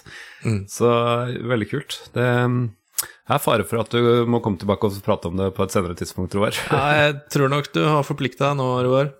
Vit det. Jeg fant fram et av dine spill, jeg. Oi, oi, eh, som ble sluppet i 1993. Eh, et puslespill eh, som eh, egentlig da ikke treffer meg så godt. Nå høres jeg ut som jeg var tilbakestående som barn. Så ille var det ikke, men jeg hadde ikke tålmodigheten alltid. Men akkurat det her syns jeg var veldig gøy, for det var veldig praktisk Praktisk puslespill, kan man si. Jaha. Eh, og det uh, hemmelige spillet jeg driver og fyrer opp nå, det er The Incredible Machine. Ja, Tim. ja, ja, ja, ja, ja. Som er uh, Hva heter uh, det konseptet, denne mas maskinkonseptet, hvor en kule detter nedi en kopp som velter og treffer en Rube Gold, Goldberg. Yes. Men du, Rube Goldberg-maskin. Jeg mener å huske at under episoden så klarte du å finne en, en tilsvarende britisk variant eller et eller annet sånt av det samme. Eller, ja, det Ja. har andre navn også, men det er den mest brukte. det er vel de lærde strides, er ikke det man sier? Ja. Uh, men den den er også kjent som Rue Goldberg Machine, og her skal ikke si du bygger den, men du bygger den litt, fordi du må bygge en slags Rue Goldberg Machine for å eh, løse brettet, da. Som Mm. kan være at du skal få en ball til å falle ned i en kopp, eller at du skal få musa til å stikke av, eh, eller ja, det er masse si. småting. Hvis det er lov å si. Jeg skal ikke nevne det igjen. Snakka om glans og putte ting inn. Eh, så veldig sånn besnærende og veldig praktisk gøy. Ikke bare å flytte brikker i riktig rekkefølge. Nei, kjempe, kjempekonsept, og det ble jo en suksess. Det fikk jo ganske mye oppførere etter, etter hvert òg, så Mm. Mm. Kult. Jeg, eh, For ikke dra fram alle de største spillene nå, så har jeg funnet nok et eh, Apogee eh, software-spill som jeg ja. sikkert bare spilte demoen av, som er også generisk, men det må frem, det må frem. Eh, Apogee Software var jo ganske kjent, så de ga også ut Biomenace. Eh, det er også et plattformspill, akkurat som Halloween Ja, Harry og ja, ja. Duke Nukem 2 og 1 og sånt. Ja, ja, ja. Det er som ja, ikke funker på PC. Ja, ikke sant? Fryktelig generisk, det også. Det kan at noen syns det er favorittspillet overalt, men eh, ja, det er eh, det, Ja, det er det der. Det er et plattformspill. Nå er det nevnt. Det, håper det var noen som ble litt uh, rørt av at jeg nevnte også det. Nå tar vi oss en eh, ny lytt på uh, en som, ja etter oss og Joakim kanskje har bidratt mest til podkasten sånn i, i kulissene. Eh, og det er eh, ingen andre enn min lillesøster, eh, som du har klart å gi navnet Doktor Bobledrage på et eller annet tidspunkt, som har stikt. Ja, jeg Ja. syns det passer, jeg. Og det virker som hun syns det òg, så Kjempekult. det er, en god, det, er en, det er et godt navn. Take it away. Anette Vik Jøsendal her, også kjent som lillesøster eller Doktor Bobledraget. Det beste spillet fra 1993, det er ikke veldig lett. Men som coverartartisten deres, så må jeg ærlig innrømme at jeg allerede har sneket inn intet mindre enn ni tegninger fra spill fra 1993 på coverarten til denne episoden. Og jeg håper at dere kommer til å nevne også de åtte andre spillene eh, som er avbildet her, som jeg ikke snakker om i dette klippet. Men det beste spillet for meg i 1993 er et spill som jeg spilte mye på TG, av alle steder. Og det er ikke fordi det er veldig godt egna til å spille på LAN, eh, men det sier noe om hvordan jeg spilte spillet, og hva det har betydd for meg. Og det spillet er rett og slett Day of the Tentacle. Og som de fleste lytterne av denne podkasten vet, så er jo det et helt fantastisk pek og klikk eventyrspill, med masse kjempefine tegninger, som jeg var interessert i allerede da. Med masse god humor både i tegningene, i stemninga og i storyen i spillet, kanskje ikke minst. Og jeg har masse gode minner med å sitte på TG relativt uh, overtrøtt, sikkert ikke å ha sovet på to døgn, uh, og brukte da dette spillet for å koble av litt. Ikke noen konkurranse, bare sitte der og slappe og se på disse morsomme figurene bevege seg rundt, og løse oppgaver, og kanskje ikke minst se hvordan jeg påvirka historien eh, fram og tilbake ved å få disse figurene til å gjøre rare ting. Så jeg er veldig sikker på at dette spillet er et spill som kommer til å bli nevnt mange ganger i løpet av eh, denne episoden, for det er et veldig, veldig kjent spill. Men de andre som nevner det, har vel kanskje andre historier om hvorfor det har betydd mye for dem. Absolutt. Eh, vi har jo snakka om Devil Tentacle allerede, som du sier, uh, så det er kanskje ikke noe å gå inn på det igjen. Men uh, denne disse, coveret til episoden, som du kanskje ja. ser på skjermen din, så blir du litt inspirert, og der har vi vært gjennom flere av spillene. Men det er noen nye der òg. Er det noen, noen, av de du vil si, si et ord om, Sigve? Ja, altså jeg kjenner jo igjen en hel haug allerede. Uh, som hun er jo inne på, på det Tentacle. Uh, lett å se. Uh, jeg ser i midten der så har vi jo The Incredible Machine, mm -hmm. som er tegnet inn. Uh, Cannon Fodder, Doom selvfølgelig, oh, Syndicate. Mm. Og Sam the Sorcerer. Sam the Sorcerer, Sam Max. og så de to øverste høyre. Der må du hjelpe meg. Det, er, eh, det kjenner ikke jeg igjen. Den er grei. Nei, det øverste der er eh, Eller i midten der er eh, The Seven Guest. Så da kan ah. jeg jo ah. kjøre på med det, for det var jo Da kjører du på med det. har jo hatt en episode om det, og det var jo et ekstremt stemningsfullt spill. Også et av de tidlige CD-romspillene. Eh, som gjorde veldig inntrykk på meg fordi det skulle være litt spooky. Og det var litt spooky, men det var ikke sånn, jeg ble ikke ordentlig redd, men det var sånn Å, så, så skummelt det er! La oss se på dette! vet, ja, men Var det det som var så skummelt at vi ikke burde spille det, ifølge deg? Eller var det Alone in the Dark? Nei, Unnskyld at jeg avbryter. Ja, det, men, eh, det, jeg tror det er Alone in the Dark, for det er sånn ordentlig skummelt. For der er det sånn du ja. dør. Dette er jo egentlig et Det går jo ikke an å dø ja. i Seven Guest. Det er bare koselig spooky. Sånn oi, det kommer et spøkelse. Eh, en person med laken over hodet som går over skjermen. ok, okay. ja, det, det, det, tål, det kan til og med jeg, kan til og med jeg tåle. Det kan til og med du tåle. Så nei, altså det var jo et uh, solid uh, spill som jeg har snakka om, men musikken og den stemningen, atmosfæren og den FMV som faktisk funker, i motsetning til mye annet som kommer på 90-tallet, så, så, er det Nei, um, kjempebra spillminne. Uh, og for å ta den andre med en gang, da, så er det um, Legend of Carandia, Hand of Fate, som også ah. er et Westwood-spill. Uh, eventyrs, okay. Eventyrspill som uh, også er knall... altså som jeg har veldig gode minner om, og tydeligvis Anette òg, siden hun har tegna tegning av det. um, så ja, det er også noe vi må ta for oss en gang, for det, det er to gode To gode spill. Det gleder jeg meg til. Det gleder jeg meg til. Jeg, uh, jeg har lyst til å spare litt, jeg nå. Ja. Uh, du driver og stjeler spillene mine. Ja. Nå tok jeg to, så da hører vi på neste minne med en gang. Ja. Vi kjører neste, som er vår gode venn. Vi har mange gode venner her. Dette er også en av våre gode venner, Terje Høybakk. La oss høre hva han har å si. Hei igjen, Sigurd Mammen. Terje Høybakk fra Spillegall her. Det er søren meg allerede et år siden sist, og allerede på tide å snakke om en 1993-favoritt.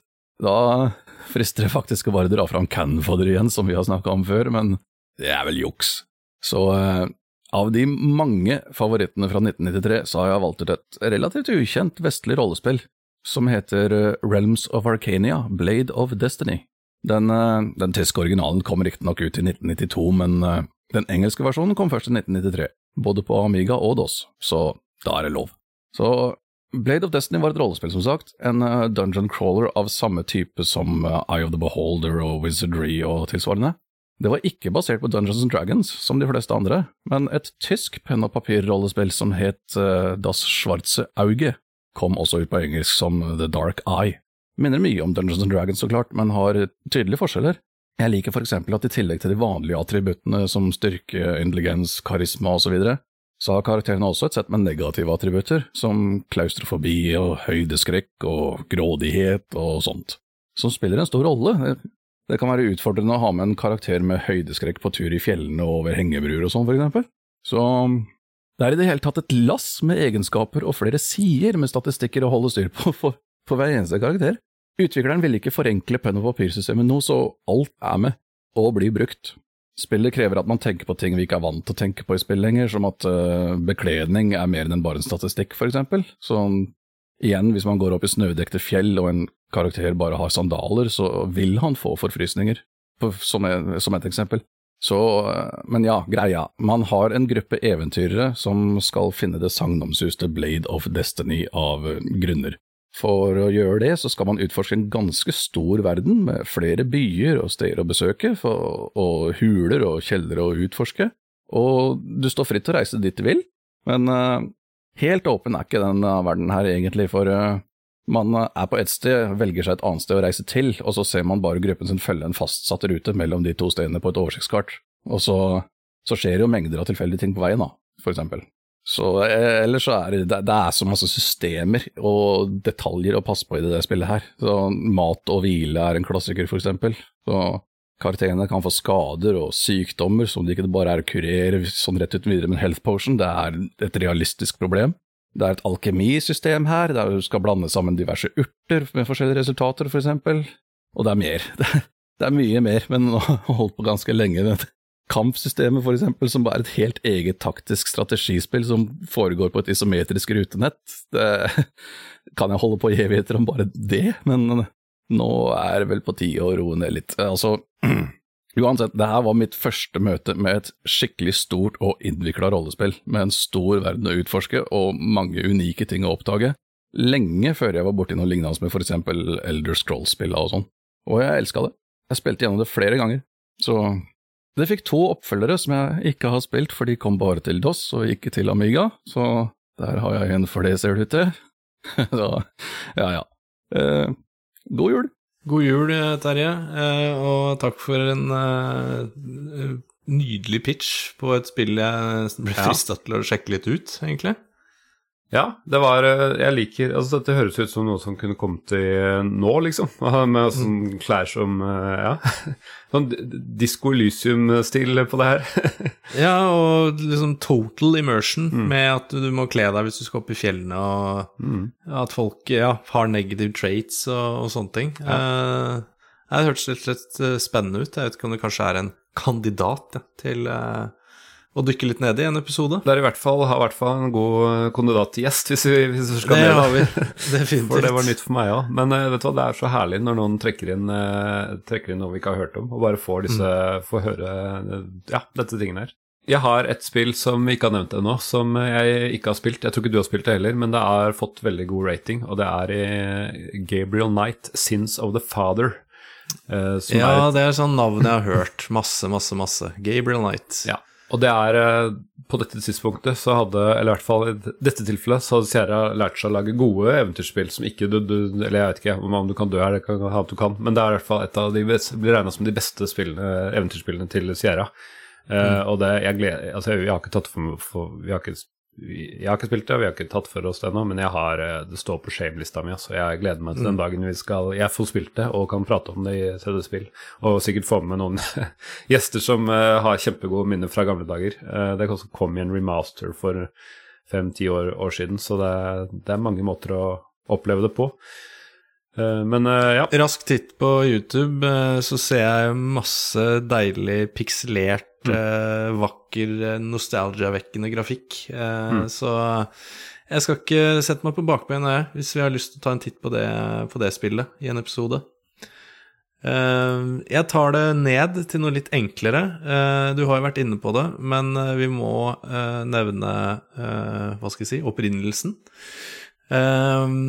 Jeg spilte eneren av dette spillet i mange, mange år dette er også et puzzlespill som jeg ikke har forutsetning for å For det var så sykt fett, og forståelig nok, og helt vilt bra musikk.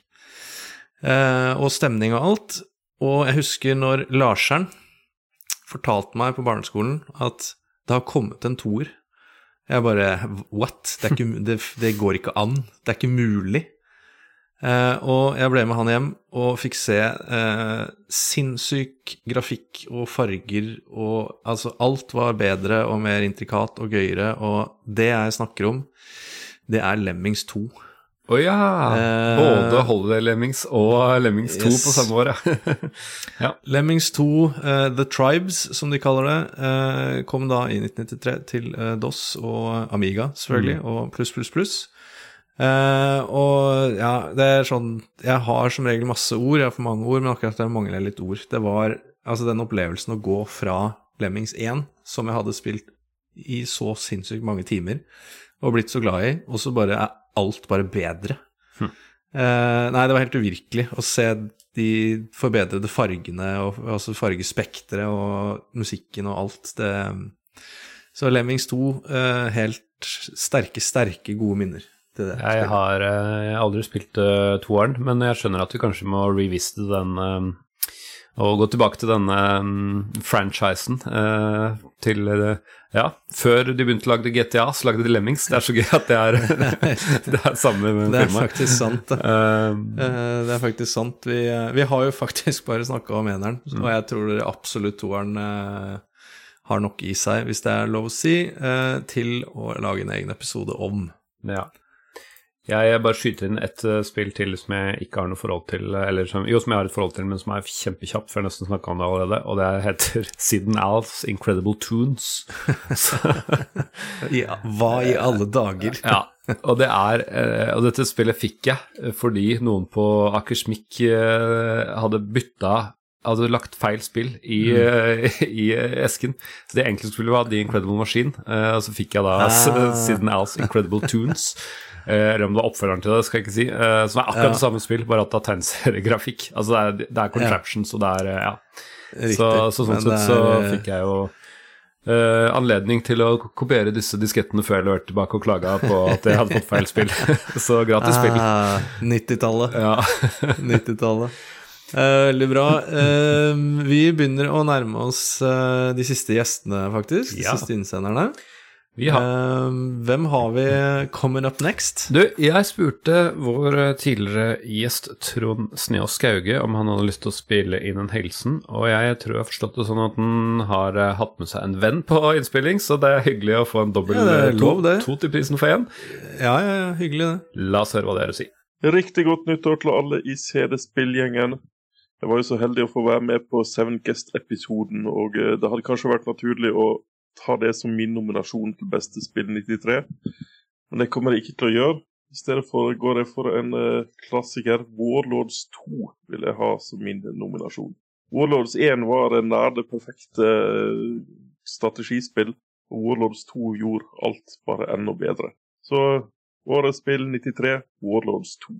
Nå eh, er denne kåringen så eh, populær at eh, folk kryper frem fra kommentarfeltene, så bare for å få med enda en nominasjon, så har vi her herr Hausnes fra kommentarfeltet.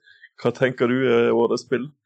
Ja, jeg har slitt veldig med å bestemme meg, men det måtte bli nostalgien som eh, fører fram her, altså. Det er mye gode eventyr og point click-eventyr på den tiden der, spesielt det året der med Day of the Tentacle og Sam Max f.eks. Men det er ingen tvil om at Simon the Sorcerer det var liksom det store øyeblikket for meg og kompisene. Vi brukte år og dag på det, men vi hadde jo ubegrenset tid på den tiden der. Eh, vi ringte til og med tipstelefonen som koster 12 kroner i minuttet, men vi kom oss i mål til slutt etter mange timer med kos, hygge og mye latter. Så altså Warlords 2 og Simon the Sorcerer blir våre nominasjoner fra Vestlandet. Godt nyttår, god jul. Ja, det var et nytt Ja. spill for meg. Ja. Warlords 2. Eh, Jeg får en sterk uh, of Might Magic-vibe Enig. Skulle det. til å si det. Uh, jeg tror rett og slett jeg må ned i notatboka og skrive opp et spill til vi kanskje skal dykke ned i eh, ved en senere anledning. Uh, det ser jo faktisk ganske kult ut. Det er så kult å få sånne nye tips om gamle spill. Som, eh, altså En ting er at man, man ser på en liste at det finnes et spill, men eh, man, Mm. det, det kommer liksom ikke til overflaten hvis ikke noen drar det fram. Og da er det ekstra hyggelig at noen eh, mener at det er et av de beste spillene fra, fra det år, årstallet. Så det er utrolig kult med litt sånn unike spill. Vi um, har kanskje noen vi har hørt om. Eh, Du har sikkert noe mer på lista di, du Sigve? Jeg har, eh, har en, eh, en klassiker jeg på lista. Jeg velger å kalle det en klassiker. Litt i samme ånd og opplevelse som Lemmings. Jeg hadde spilt eneren i hjel, og den var jo allerede legendarisk i eh, eh, hva skal jeg si, ikke grafikk, men uh, roto, bruken av rotoscope, uh, som gjorde bevegelsen utrolig eh, fluent, fluid. Så det var jo et dritfett spill, og så jeg tror søren meg det var Larsen igjen, jeg. Som kom og sa at nei, det har kommet en toer. Og jeg igjen nei, det tror jeg ikke noe på. Det går ikke an å lage noe bedre av et spill som er så rått allerede. Så i 1993 så kom Prince of Persia 2, The Shadow and the Flame. Uh, som er, uh, ja Bedre, kulere farger og mer fancy, men altså samme opplevelsen. Uh, og ja, altså grafikk og grafikk, jeg bare husker jo det. Det var bare mer farger, og det var dritfett. Eh, så Prince of Persia 2 er en sterk, sterke, gode minner fra det også. Nok et spill jeg, som har gått meg hus forbi. Eller jeg har fått med at det har kommet og sånne ting, altså, men jeg har aldri spilt det. Så det er jo um, Ja. Det er, både dette og forrige Lemmings er jo spill vi tok opp helt i starten av uh, podkasterfaringen våre, så vi kan jo sikkert uh, klare å revisite det, den uh, Ja, jeg tror vi skal ta og besøke det igjen. Altså, den uh, giljotinfellen eh, Mm. i Prince of Persia 1, den, eh, den ser eh, bedre ut og mer grotesk ut med alle de nye fargene i Prince of Persia 2. Bare på et lite, lite tips. Litt tips der. Ja, jeg går litt i samme sjanger, et spill jeg dessverre heller ikke har spilt, men som jeg har hørt veldig mye om, og som er eh, rotoscoping-spill, og det heter Flashback. The Quest for Identity. Identity. Og det er, eh, ja, Prince of Persia er et ganske godt uh, eksempel. Another World er et annet eh, godt eksempel, hvis du lurer på åssen det er. Men uh, altså, det er um, ja, det er en plattformer, det også, som har fått veldig mye skryt, uh, og som ser ganske nydelig ut. Så jeg har um, Jeg vet at jeg har også gjester som brenner veldig for å snakke om dette spillet, så det er um, Jeg kan vel mer eller mindre garantere at hvis vi hvis, eh, hvis vi overlever eh, jula og sånn, så, så blir, det- blir nok dette et eh, spill som vi snakker om i fremtiden. Det gleder jeg meg til. Ehm, det gjør jeg. Ehm, da er vi eh, på siste innsender, faktisk. Ja. Da får vi høre hva vår gode venn eh, Erlend Fiddan har å si, som eh, vi har hatt gjest to ganger eh, så langt. Eh, Ok, take it away. Hallo, så er det spill, og takk for at jeg nok en gang får lov til å delta i episoden. Denne gangen så gjaldt det å finne favoritten min fra 1993. Et særdeles vanskelig utgangspunkt, for vanvittig mye gode spill kom dette året. Ja, jeg kunne selvfølgelig tatt eh, den ultraklassiske Andre blir Willy Nikkersen av han her. Take on the world. Og denne grisen var kommet til spill nummer seks i sin serie. Good day, miss. My name is Larry. Larry Laffer. Men i grunn så var det tre stykker å velge mellom. Det første, som ikke nådde helt opp Ja, For en fin låt. Kunne hørt på den til evig tid. Men jeg har rett og slett ikke brukt nok tid på Cannon Fodder til at det kunne forsvare en plass som mitt favorittspill fra 1993. På andreplass finner vi til slutt spillet som jeg egentlig tenkte at kom til å havne først. Det var den umiddelbare tanken når jeg så at det var kommet ut i 1993. For når noe av det første du skal gjøre i et spill, er gud og vrenge en katt for å få fatt på oppdraget ditt, og den på toppen av alt høres ut som det her. You must be the freelance police. Og de som skal være heltene i spillet, svarer sånn her. yes, but don't go blabbing it to everybody. I think he's kind of cute, Sam. Can I make a tennis racket out of him? Ja, da er den fiddan solgt, og vel så det. Hva kan egentlig toppe Seven Max Hit the Road? Ja, det ble veldig symbolsk for min del, det må jeg innrømme. Kjennere vil allerede dra kjensel på melodien i bakgrunnen, for den stammer ifra Championship Manager 1993. Og jeg innrømmer det glatt, det er ikke et spill som har holdt seg spesielt godt. Championship Manager eh, i sin første versjon er passé. Men det var her jeg ble bitt aller, aller første gang. Det var det første spillet i Championship Manager-serien som siden er blitt til Football Manager i nyere tid, som hadde ordentlige spillere. Det kom også ut sesongen etterpå. Mitt favorittlag, Leeds United, vant serien i England. Ergo så hadde jeg faktisk et godt lag. Det er nesten den eneste versjonen av dette spillet der eh, Leeds har vært ordentlig gode. Så dette spillet har jeg spilt mye. Jeg begynte å spille det igjen nå i forbindelse med dette her. Det er noe, noe rart avhengighetsskapende som fins i dette spillet her, og det er bare det at det, her er det så lett å knekke spillmotoren at det er ikke noe gøy lenger fordi du vil. Hvis du finner den riktige taktikken, så vinner du alle kampene her uansett. Men 1993 var før internett var allemannseie, og vi brukte utrolig mange timer og friminutt på å finne ut av planlegge og forske hvilke spillere som var best, og, og for noen taktikker som funker godt.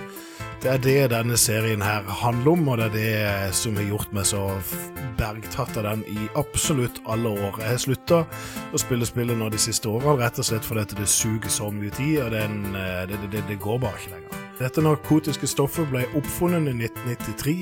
Ser jammen meg ennå ut til å virke ganske godt, så årets spill for 1993 Championship Manager. Over og ut.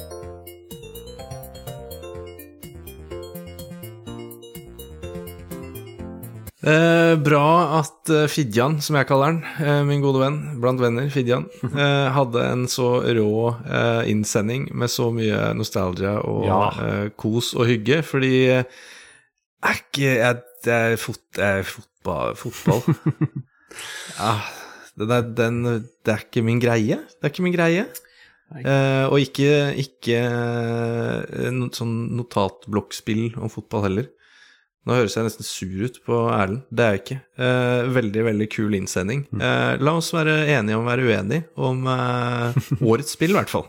Ja, ja, akkurat der tror jeg ikke Jeg tror ikke det går helt hjem hos noen av oss, men eh, ja, jeg tror kanskje jeg heller mer mot et managerspill enn et faktisk eh, sånn Fifa. Altså når du spiller fotballspillerne, så sånn sett så er det i hvert fall min, min alley, sånn sett. Men jeg liker at du kaster en brannfakkel, Fidian. Det syns jeg er veldig kult. Eh, nå har vi søren meg uh, hørt på alle innsenderne. Uh, Har du hva- noen, ja, har du noen siste spill du vil eh, dra opp som vi må nevne? Ja, jeg holdt på å si, hva skal vi gjøre nå? Uh, da har jeg ett spill igjen som jeg syns bør nevnes. som har søren meg holdt seg i dag også. Eller holdt, det har holdt seg. Eh, det er eh, byplanleggeren over alle byplanleggere. Det er SimCity 2000. Den kom i 1993 til DOS. eh, og er konseptuelt ganske enkelt, men utrolig besnærende, og du blir sittende og sittende. Og eh, litt som eh, Erlend her, som knakk spillmotoren i voksen alder. Det gjorde jeg også da jeg spilte dette for ikke så veldig lenge siden. Så nå er det ikke vanskelig lenger. Nå er det gøy, og du kan bare sitte og bare øke og øke og øke og øke og få en større og større og større by, og alt går dritbra. Eh, fortsatt spillbart og god eh, stemning. Og vi har en episode om det. det har vi også, så den må dere høre på. tror jeg lærte meg at vi måtte jukse med å putte noe kraftverk, vannkraftverk og sånn i toppen og diverse. Ja, den, den husker jeg fra, fra gamle Dagger. Eh, det var jo en god start å jukse ved å lage et map med et enormt fjell fullt av foss i et hjørne. Men eh, det er ikke sikkert du greide å få byen din til å fungere likevel. Eh, men eh, hør på episoden, så finner dere hvordan dere kan få til det. Mhm. Jeg har ikke noen flere spill på lista, men jeg tenkte, og jeg har bare sett over en sånn topp, toppliste ifølge Mobile Games, så jeg tenkte jeg skulle nevne noen spill, og så får du eventuelt skyte inn hvis det er- har noen minner om det, men det er bare for å ha, ha nevnt litt flere. Eh, et, jeg er egentlig Star Trek-fan, men Star Trek Judgment Rights er dessverre ikke et spill som jeg har fått med meg. Det er et eh, jeg, Eller jeg veit hva det er. Det er et sånn pek-og-klikk-eventyrspillaktig. Um, så det er jo absolutt interessant. Jeg tror kanskje at jeg har hatt liksom, tilgang på spillet en gang uten at jeg eh, fullførte det, eller om jeg blander meg et av de andre. Men uh, definitivt noe som er interessant for meg, for uh, å spille Kirk i pek-og-klikk-form, det er jo uh, det er interessant, det, altså. Apropos Trek, eller Star i hvert fall, så har du Star Wars X-Wing, som jeg heller ikke kjenner til i det hele tatt. Um, også LucasArts, selvfølgelig, for de eier jo den franchisen. Ja, den der, ja. Um, så kanskje det er mange andre som har noe minner om det. Så er det i all verden et spill som heter TFX. Er Tactical Fighter Experiment. Um, det ser utrolig eh, Altså Det ser ut som noe jeg kunne likt. For det ser litt ut som som, som Gunship 2000 eller et eller annet den stilen. Eh, eller Stealth Fighter, en litt bedre versjon av det, osv. Men uh, uh, ja, det hadde kanskje vært uh, toppspill for meg hvis jeg hadde kommet over det. Hvem vet? Kanskje. Jeg var jo oppslukt med F117 eller F19. Vi huska Ja. ikke helt, men uh, Det jeg er var opptatt med det. Så ut som en sånn spirituell oppfølger til det, eller åndelig oppfølger til det. Så det hadde kanskje vært noe for oss. Absolutt. Det ser faktisk ganske sexy ut. Eh, la oss ta en titt på det på nyåret. Nevner også Epic Pinball. Det spilte jeg faktisk. Eh, Epic Mega Games eh, lagde pinballspill. Eh, jeg tror Altså, Snakker du nå om det som fulgte med Windows? Nei, nei, nei, nei. Eh, Eller blander jeg da? Nei, du blander med Ja, jeg vet uh, hva du tenker på, men jeg tror ikke det er dette. Dette er DOS-spill. Vi snakker om DOS-spill, Sigurd. ja, ja, ja, ja, uff, oi, hei sann. Jeg, jeg glapp, glapper litt ut der. Ja.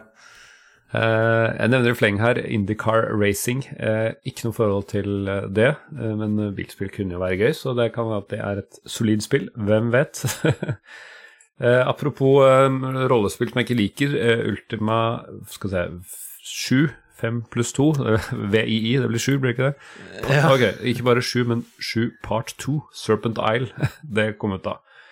Jeg em, har aldri spilt det, eh, men jeg har spilt et av de andre, og det gjør at jeg ikke har vil spille flere Ultima-spill igjen, dessverre. Nei, for det, det Jeg også har det forholdet til Ultima at det er jo 100 varianter, og alle har spilt det, eller kjenner noen som har spilt Mm. det, men ikke vi Jeg tror vi, vi får se litt på det til neste år, tenker jeg. Ja. Eh, For det er jo absolutt en del av spillarven fra den tiden. Ja.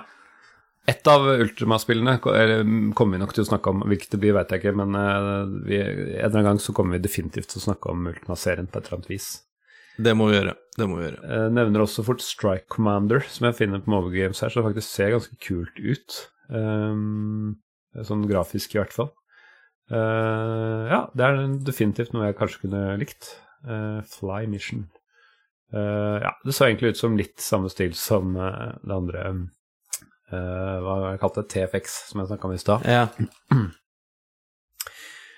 Uh, et sportsspill er jeg ikke så interessert i, men NHL Hockey kom ut dette året. Um, uh, Ultima Underworld, det er jo en spin-off i Ultima-serien. Det har jeg så vidt vært borti. Det er jo en um, et, Ok, nå er det mulig jeg sier feil, men Dungeon Crawler tror jeg det er snakk om.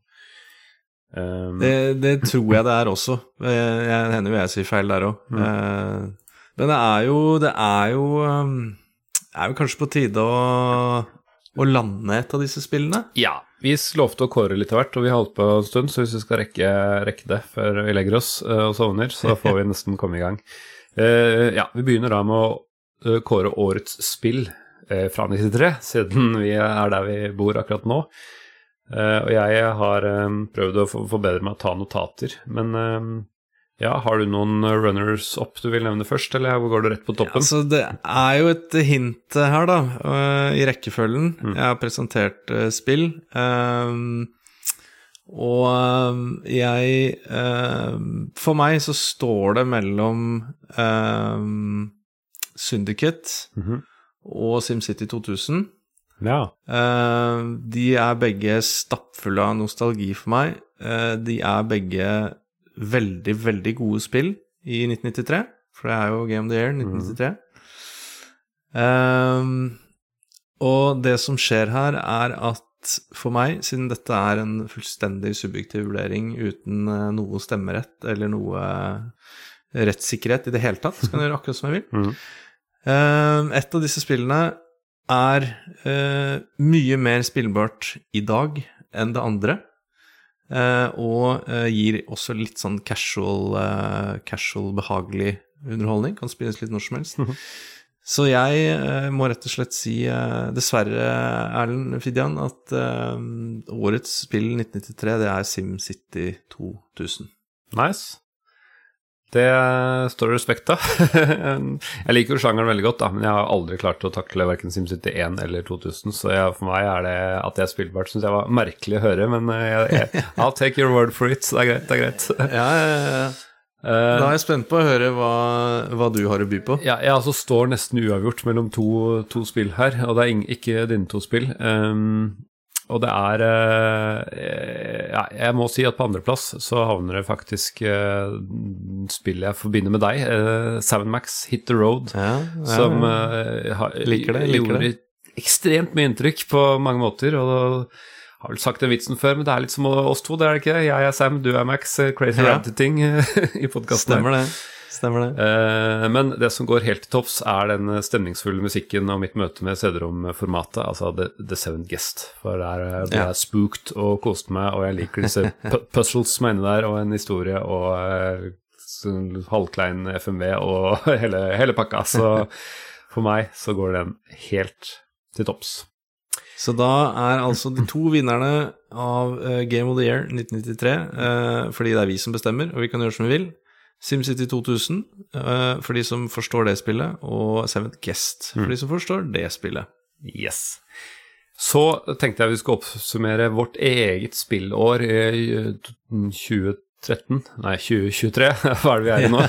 noe, noe, sånt noe. Vi må gå langt noe. framover nå for å komme ja. Uh, hva vi selv har laget. Det har jo vært prega av at eh, noen har vært på 20-perm over eh, lengre tid og sånn, men uh, vi skal gjøre så godt vi kan. Og jeg vil først og fremst bare takke alle gjestene og for så vidt hva heter det, sånn vikarer som vi har hatt. Jeg leser opp, ja.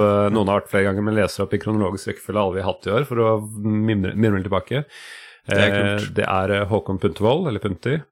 Anette Jøsendal, eller Doktor Bobledraget. Vi har eh, Erlend Fiddan, eller Fid... Hva er det du kaller han for noe? Fidjan? Fid, Fidjan. Ja, Fidjan. Ja, min venn Fidjan. Ja. Eh, Eirik Gjer- Gjerløv, du får komme med eventuelt uh, kallenavn på han. Jeg skal, jeg skal nok finne på noe. Han eh, kalles vel Den fjerde sønn, men det er litt internt. Ok. Roar Granevang, eh, Spruceman kaller han seg, men vi kan nok kalle han for bare Krondor fra nå av. Ja, det tror jeg vi skal gjøre. Eh, Alex Gisvold, eller Alexikon. Anders Ekroll, eh, Sindre Oppsal Skåre, eh, Jostein Hakestad, Alexandre Espeseth, Joakim Froholt, Martin Gjesdal, eh, Aksel Bjerke og Tor André Kiel Mørkved, som har vært gjester i år. Og det har vært eh, veldig, jeg må bare påpeke, dere har løftet denne podkasten opp og gjort den bedre enn vi hadde fått til alene. For, Ja, eh, for det der er det jeg kaller en gullrekke. Eh, den kan du ta med deg inn i fredagen, da. Eh, den, eh, den gjengen der. Nei, tusen takk til alle sammen eh, for å ha gjort podkasten så bra som den har blitt i, i eh, 1993. Yes. Eh, jeg tenkte kanskje vi skulle kåre to eh, kåringer til. Vi kan jo for så vidt se på statistikken, hvilken som har gått best og sånne ting, men eh, ja, kanskje før det skal vi selv prøve å kåre beste episode og beste spill vi har pratet om i år.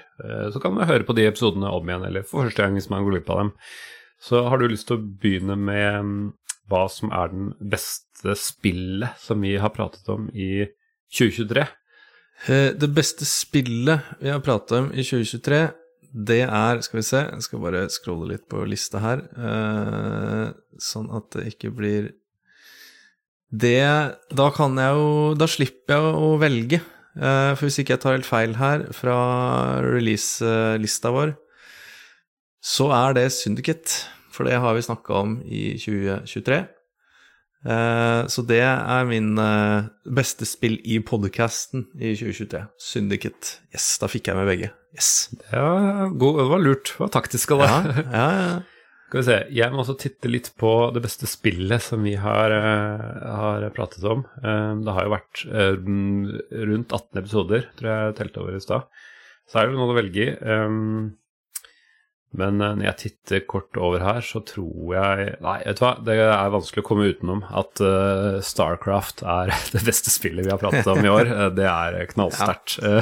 Det, det, det må sies, det må sies. Jeg, jeg støtter den. Nesten urettferdig når det er betydelig nyere enn alle de andre to spillene vi prata om, men uh, ja, det, det har satt sine spor på både meg og på spill, internett og verden og alt mulig rart. Definitivt. Definitivt. All right. Uh, vi er så frekke at vi bare kårer vår egen beste episode. Du har ikke engang vært med i alle, men jeg vet ikke om du har en favorittepisode som uh, du vil Jo. dra fram? Ja. Det har jeg, Uh, og det, det er jo en liten shout-out, for så vidt, til, til i hvert fall en av våre innsendere. Min favorittepisode i 2023, eh, det er live-episoden på Tiltcast Ja, i, i høst.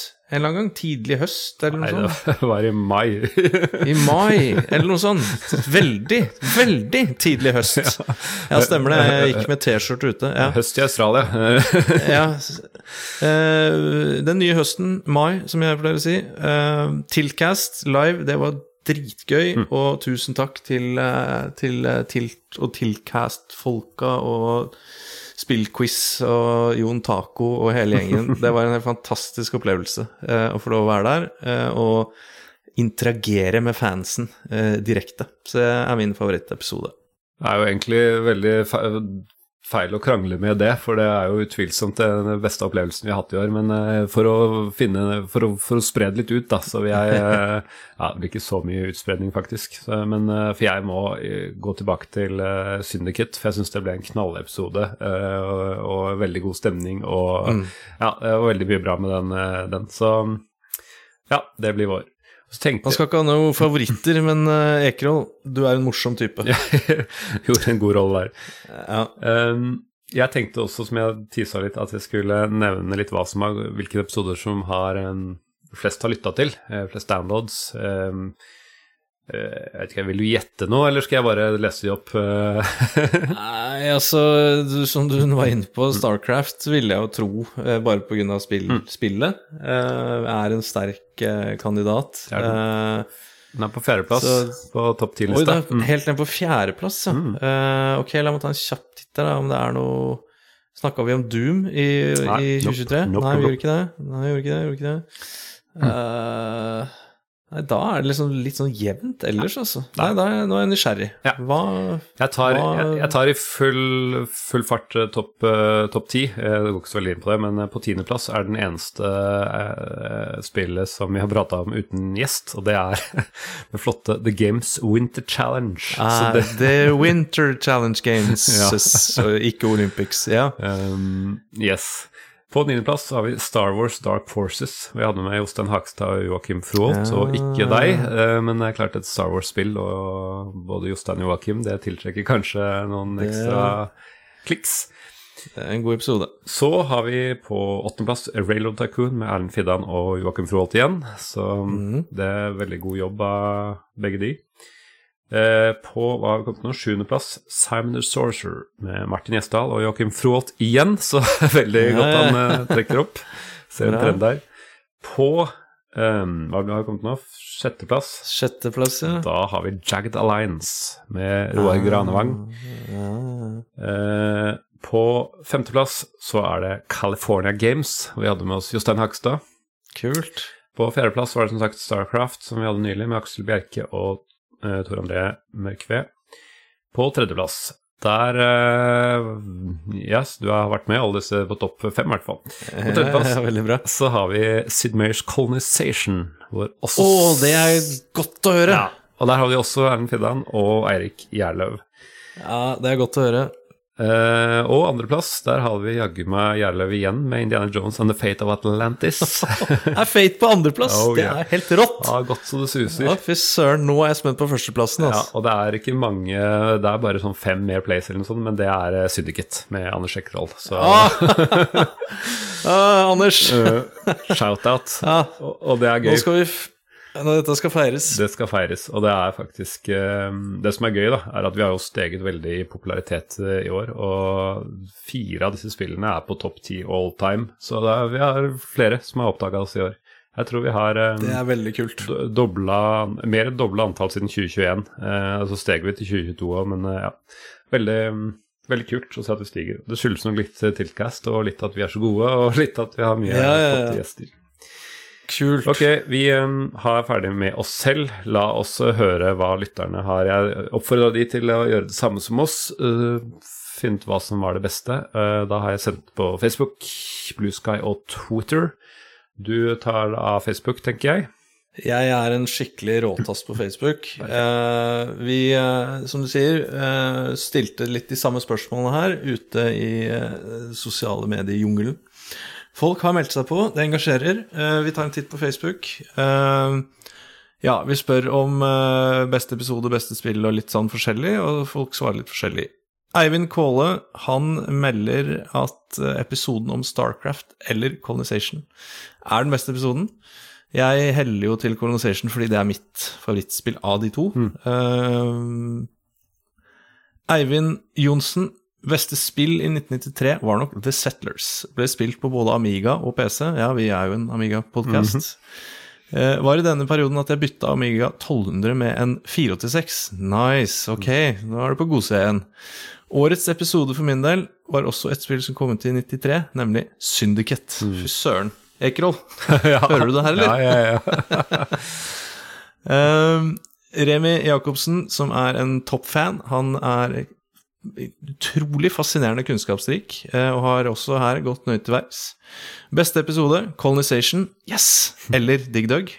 Oh, wow, Eh, det var progressivt. ja, ja, ja. Eh, han kliner til han med beste gjest, Erlend Fidjan, min venn Fidjan. Ja. Også kjent som Fidjan. Um, han føyer til alle gjester har vært helt topp. Ingen er mer favoritt enn andre. Beste spill 1993, og her kommer jo Remi Jacobsen med full tyngde. Alien Breed 2, The Horror Continues, Stardust, The Settlers, Cannon Fodder, Desert Strike, Return to the Gulf, Frontier Elite 2. Nevnte ikke du det? Ja, det var nevnt. Eh, Gunship 2000, Skid Marks, Pinball Fantasies, Superfrog, Lemmings 2, yes, Dune 2, Dune 2 i 93. Jeg lurer på om han Megamann. vi på den? Nei, eh, det Ja. var i 92 for til oss i hvert fall, så det er mulig. Mye Megaman. Ja. Og eh, han kliner til han med beste nye maskin i 93. Oi, oi, oi. CD, CD32. Ja. Den, den, den må jeg sjekke Det er. Amiga CD32, eller? Jeg er litt usikker, faktisk. Det, det burde jeg vite, eh, men eh, så knallsterkt fra Remi der. Anette Jøsendal, hvem er det, sier du? Doktor Bobledraget. Favorittspill har jeg nevnt i opptaket, det er helt uh, riktig. Det ble vel det of the Tentacle, ble det ikke det? Jo. Uh, favorittgjest? Ekerol. Nå Shout-out. nå, nå blir det øl. Uh, alt jeg husker, er at jeg lo en masse, og da er det en god gjest i mine øyne. Favorittepisode? Her må jeg nevne to, siden den første kan kanskje blir diskvalifisert. Begge er nok av de med færrest lyttertall hele sesongen. Eh, episoden, episode én er Destroy. Ikke fordi jeg var gjest, men fordi det var den med mest research denne sesongen, og inside information. Ja, det stemmer Ja, det. det var mye Og det ble veldig komisk både under episoden, men også neste episode, da utviklerne hadde hørt på episoden, til tross for at de ikke kunne norsk. Ja, det er så Stemmer det. Hvis denne blir underkjent, så sier jeg Paperboy, rett og slett fordi det er den episoden jeg husker mest av. Jeg husker jeg lo pga. en knivdesperado som viste seg å være en gammel dame. Stemmer det? Og jeg husker også mye av hva spillet går ut på, til tross for at jeg aldri har spilt selv. Så jeg husker episoden, og jeg lo mye. Det er min begrunnelse. Veldig koselig boble med innspill. Eh, Erlend Magnus Wiggen sier favorittepisode Jagged Alliance. Eh, aller beste nye gjest i 2023, Martin Gjesdal. Der ble det et poeng til Martin Gjesdal. Oh, yeah. Beste spill dekt i 2023, enten Fate of Atlantis eller Starcraft. Da tenker jeg vi bare lander på Fate of Atlantis umiddelbart, siden jeg eh, leser. Eh, dere spurte ikke om hva som var det beste PC-spillet 93, eh, men jeg kan informere om at det er Betrayal at Crondor. Er dette en venn av Roar, eller, eh, Ja, eller, er det, et- eller er det et storspill? Ja, det er sikkert et skjult storspill som vi har gått glipp av. Eh, og for de nysgjerrige så forklarer han litt videre om dette spillet, eh, så det kan dere sjekke ut i kommentarfeltet. Og eh, jeg sier til slutt, tar en sjanse, du finner alltid noen kommentarer, men eh, til slutt, Rune Trollnes Skog. Mye bra spill fra 1993. Mine favoritter er Day of the Tentacle, Quest for Glory 4, Shadows of Darkness og Doom. Andre som er verdt å nevne, Sam Max Hit Road, Police Quest 4 Open Season. really? Vi har vel hatt noen debatter rundt Police Quest, så ikke akkurat den utgivelsen. Simon the Sorcerer, Canfodder, Gabriel Knight, Sins of the Fathers og yes, Syndicate. Og Aladdin. Og beste episode er nok Fate of Atlantis. Ja da. Verden. Det er et bra spill, ikke sant? Det er et bra spill. Jeg hopper inn på Blue Sky, eh, som jeg har fått en kommentar av eh, en som kaller seg Retro Gaming Pappa, som skriver en del for eh, spillhistorie.no. Jeg tror han, eller han er en Amiga-mann. Ser litt i eh, det han har skrevet. Ja, det, ja, det, får, det, får, det går greit. Det går greit. Går greit. Eh, Championship Manager 93 eh, kom der også. Nei, igjen? Jeg trodde det var one time. Ok, greit. det er greit. Jeg skal meg ned. Eh, Desert Strike står det her igjen. Uh, Dune 2, som uh, altså kom til Amiga inn i, i 93. The Settlers og Syndicate. Så det var en god miks av, ja. av litt av hvert der. Eh, Da tar vi faren til Blue Sky, eh, X, eh, hvor vi ja, spør om litt av det samme. Der har vi fått noen uh, kommentarer. Heter det kommentarer? Heter det retweet? Jeg- X-er. Ja. Fått noen X-er. Ja, X-er. Vi har fått noen X-er. Uh, min nære og kjære venn uh, Erlend Fidjan, eh, kjent blant dere andre som Erlend Fidjan. Årets åpenbaring for meg var nok Chicago 90-episoden. Oh, koselig. Ja, ikke at det var så gøy å spille lenger, men for en deilig idé. Og så har det gått meg hus forbi. Hva angår spill fra 93, så lar den henge litt. Sigve er årets gjest, helt klart. Yes! Da blir det, da er det meg og Ekron, Vi skal jo på byen og feire. Vi er de beste gjestene. beste gjestene. Ja, nydelig. Um, Kisbjørn Thripskau. Jeg har aldri hørt om. En ny fyr, tror jeg. Um, vanskelig å komme utenom Doom her, men jeg sier beste spill fra 1993 var SimCity 2000. Ja da! Ok, nå husker jeg hvem du er. Du er på innsiden din. Det er greit. Min favorittepisode må nesten bli et av mine all time gullspill, Colonization. Å, fy søren. Det her er min bestevenn, det her. Det er bestevennen min, ja. Eh, og to karer jeg aldri går lei av å høre på, bortsett fra dere to. Det er Onkel Jostein og Alexikon. Det er veldig koselig. Og snakker om sola. Eh, Alex eh, Gisvold kommenterer alle gjestene fortjener masse skryt. Jeg ønsker gjerne å høre fra dem igjen. Favorittøyeblikk møte andre lyttere på Tiltcast. Enig. Veldig bra moment der. Syndicate-episoden igjen var knallbra. Et spill jeg ønsker å spille. Og takk for at dere holdt meg med selskap på mange treningsturer i år. Det er riktig. Han eh, går på langrenn, han. Og så har han oss på øret. Og da går han eh, Går han hardt. I hvert fall en, hvert fall en hel episode. Det er koselig. Og så en liten slenger her fra uh, Alexicon. Uh, beste spill fra 1993 må være Day of the Tentacle. Og så sniker han inn en shoutout her til uh, noe konsollskvip. Eh, shoutout til Sonic the Hedgehog. Ja, greit, da. Mitt, jeg spilte jo Mario på Nes. Shoutout til Sonic the Hedgehog, mitt første videospill. Det er jo ganske klassisk spill, da. Så fluff Det er- det er greit. Mm, Det er greit. Det er kjent. Da er vi jaggu kommet til veis ende, både i dagens episode og året. Nå er det året over. Det er det. Du verden. Um, vi er tilbake i 2024, forhåpentligvis uten noen sånn tjuvperm fra noen av oss, men uh, nå har det vist seg Ja, at se, eh, det lar seg gjøre, hvis jeg skulle bli uh, Nest, neste steg nå tar vel i så fall ni måneder før det skjer noe. Ja. Så jeg, tror jeg tror jeg i hvert fall er tilbake på nyåret. Eh, Det, det er jeg ganske sikker på. Og da lover vi nye gjester, gamle gjester, gode episoder, eh, enda bedre episoder. Alt perfekt. Eh, det lover vi. Det gleder vi oss til. Og så er det vel bare å si god jul! God jul og nyttår og sånn. Og sånn. Det bra.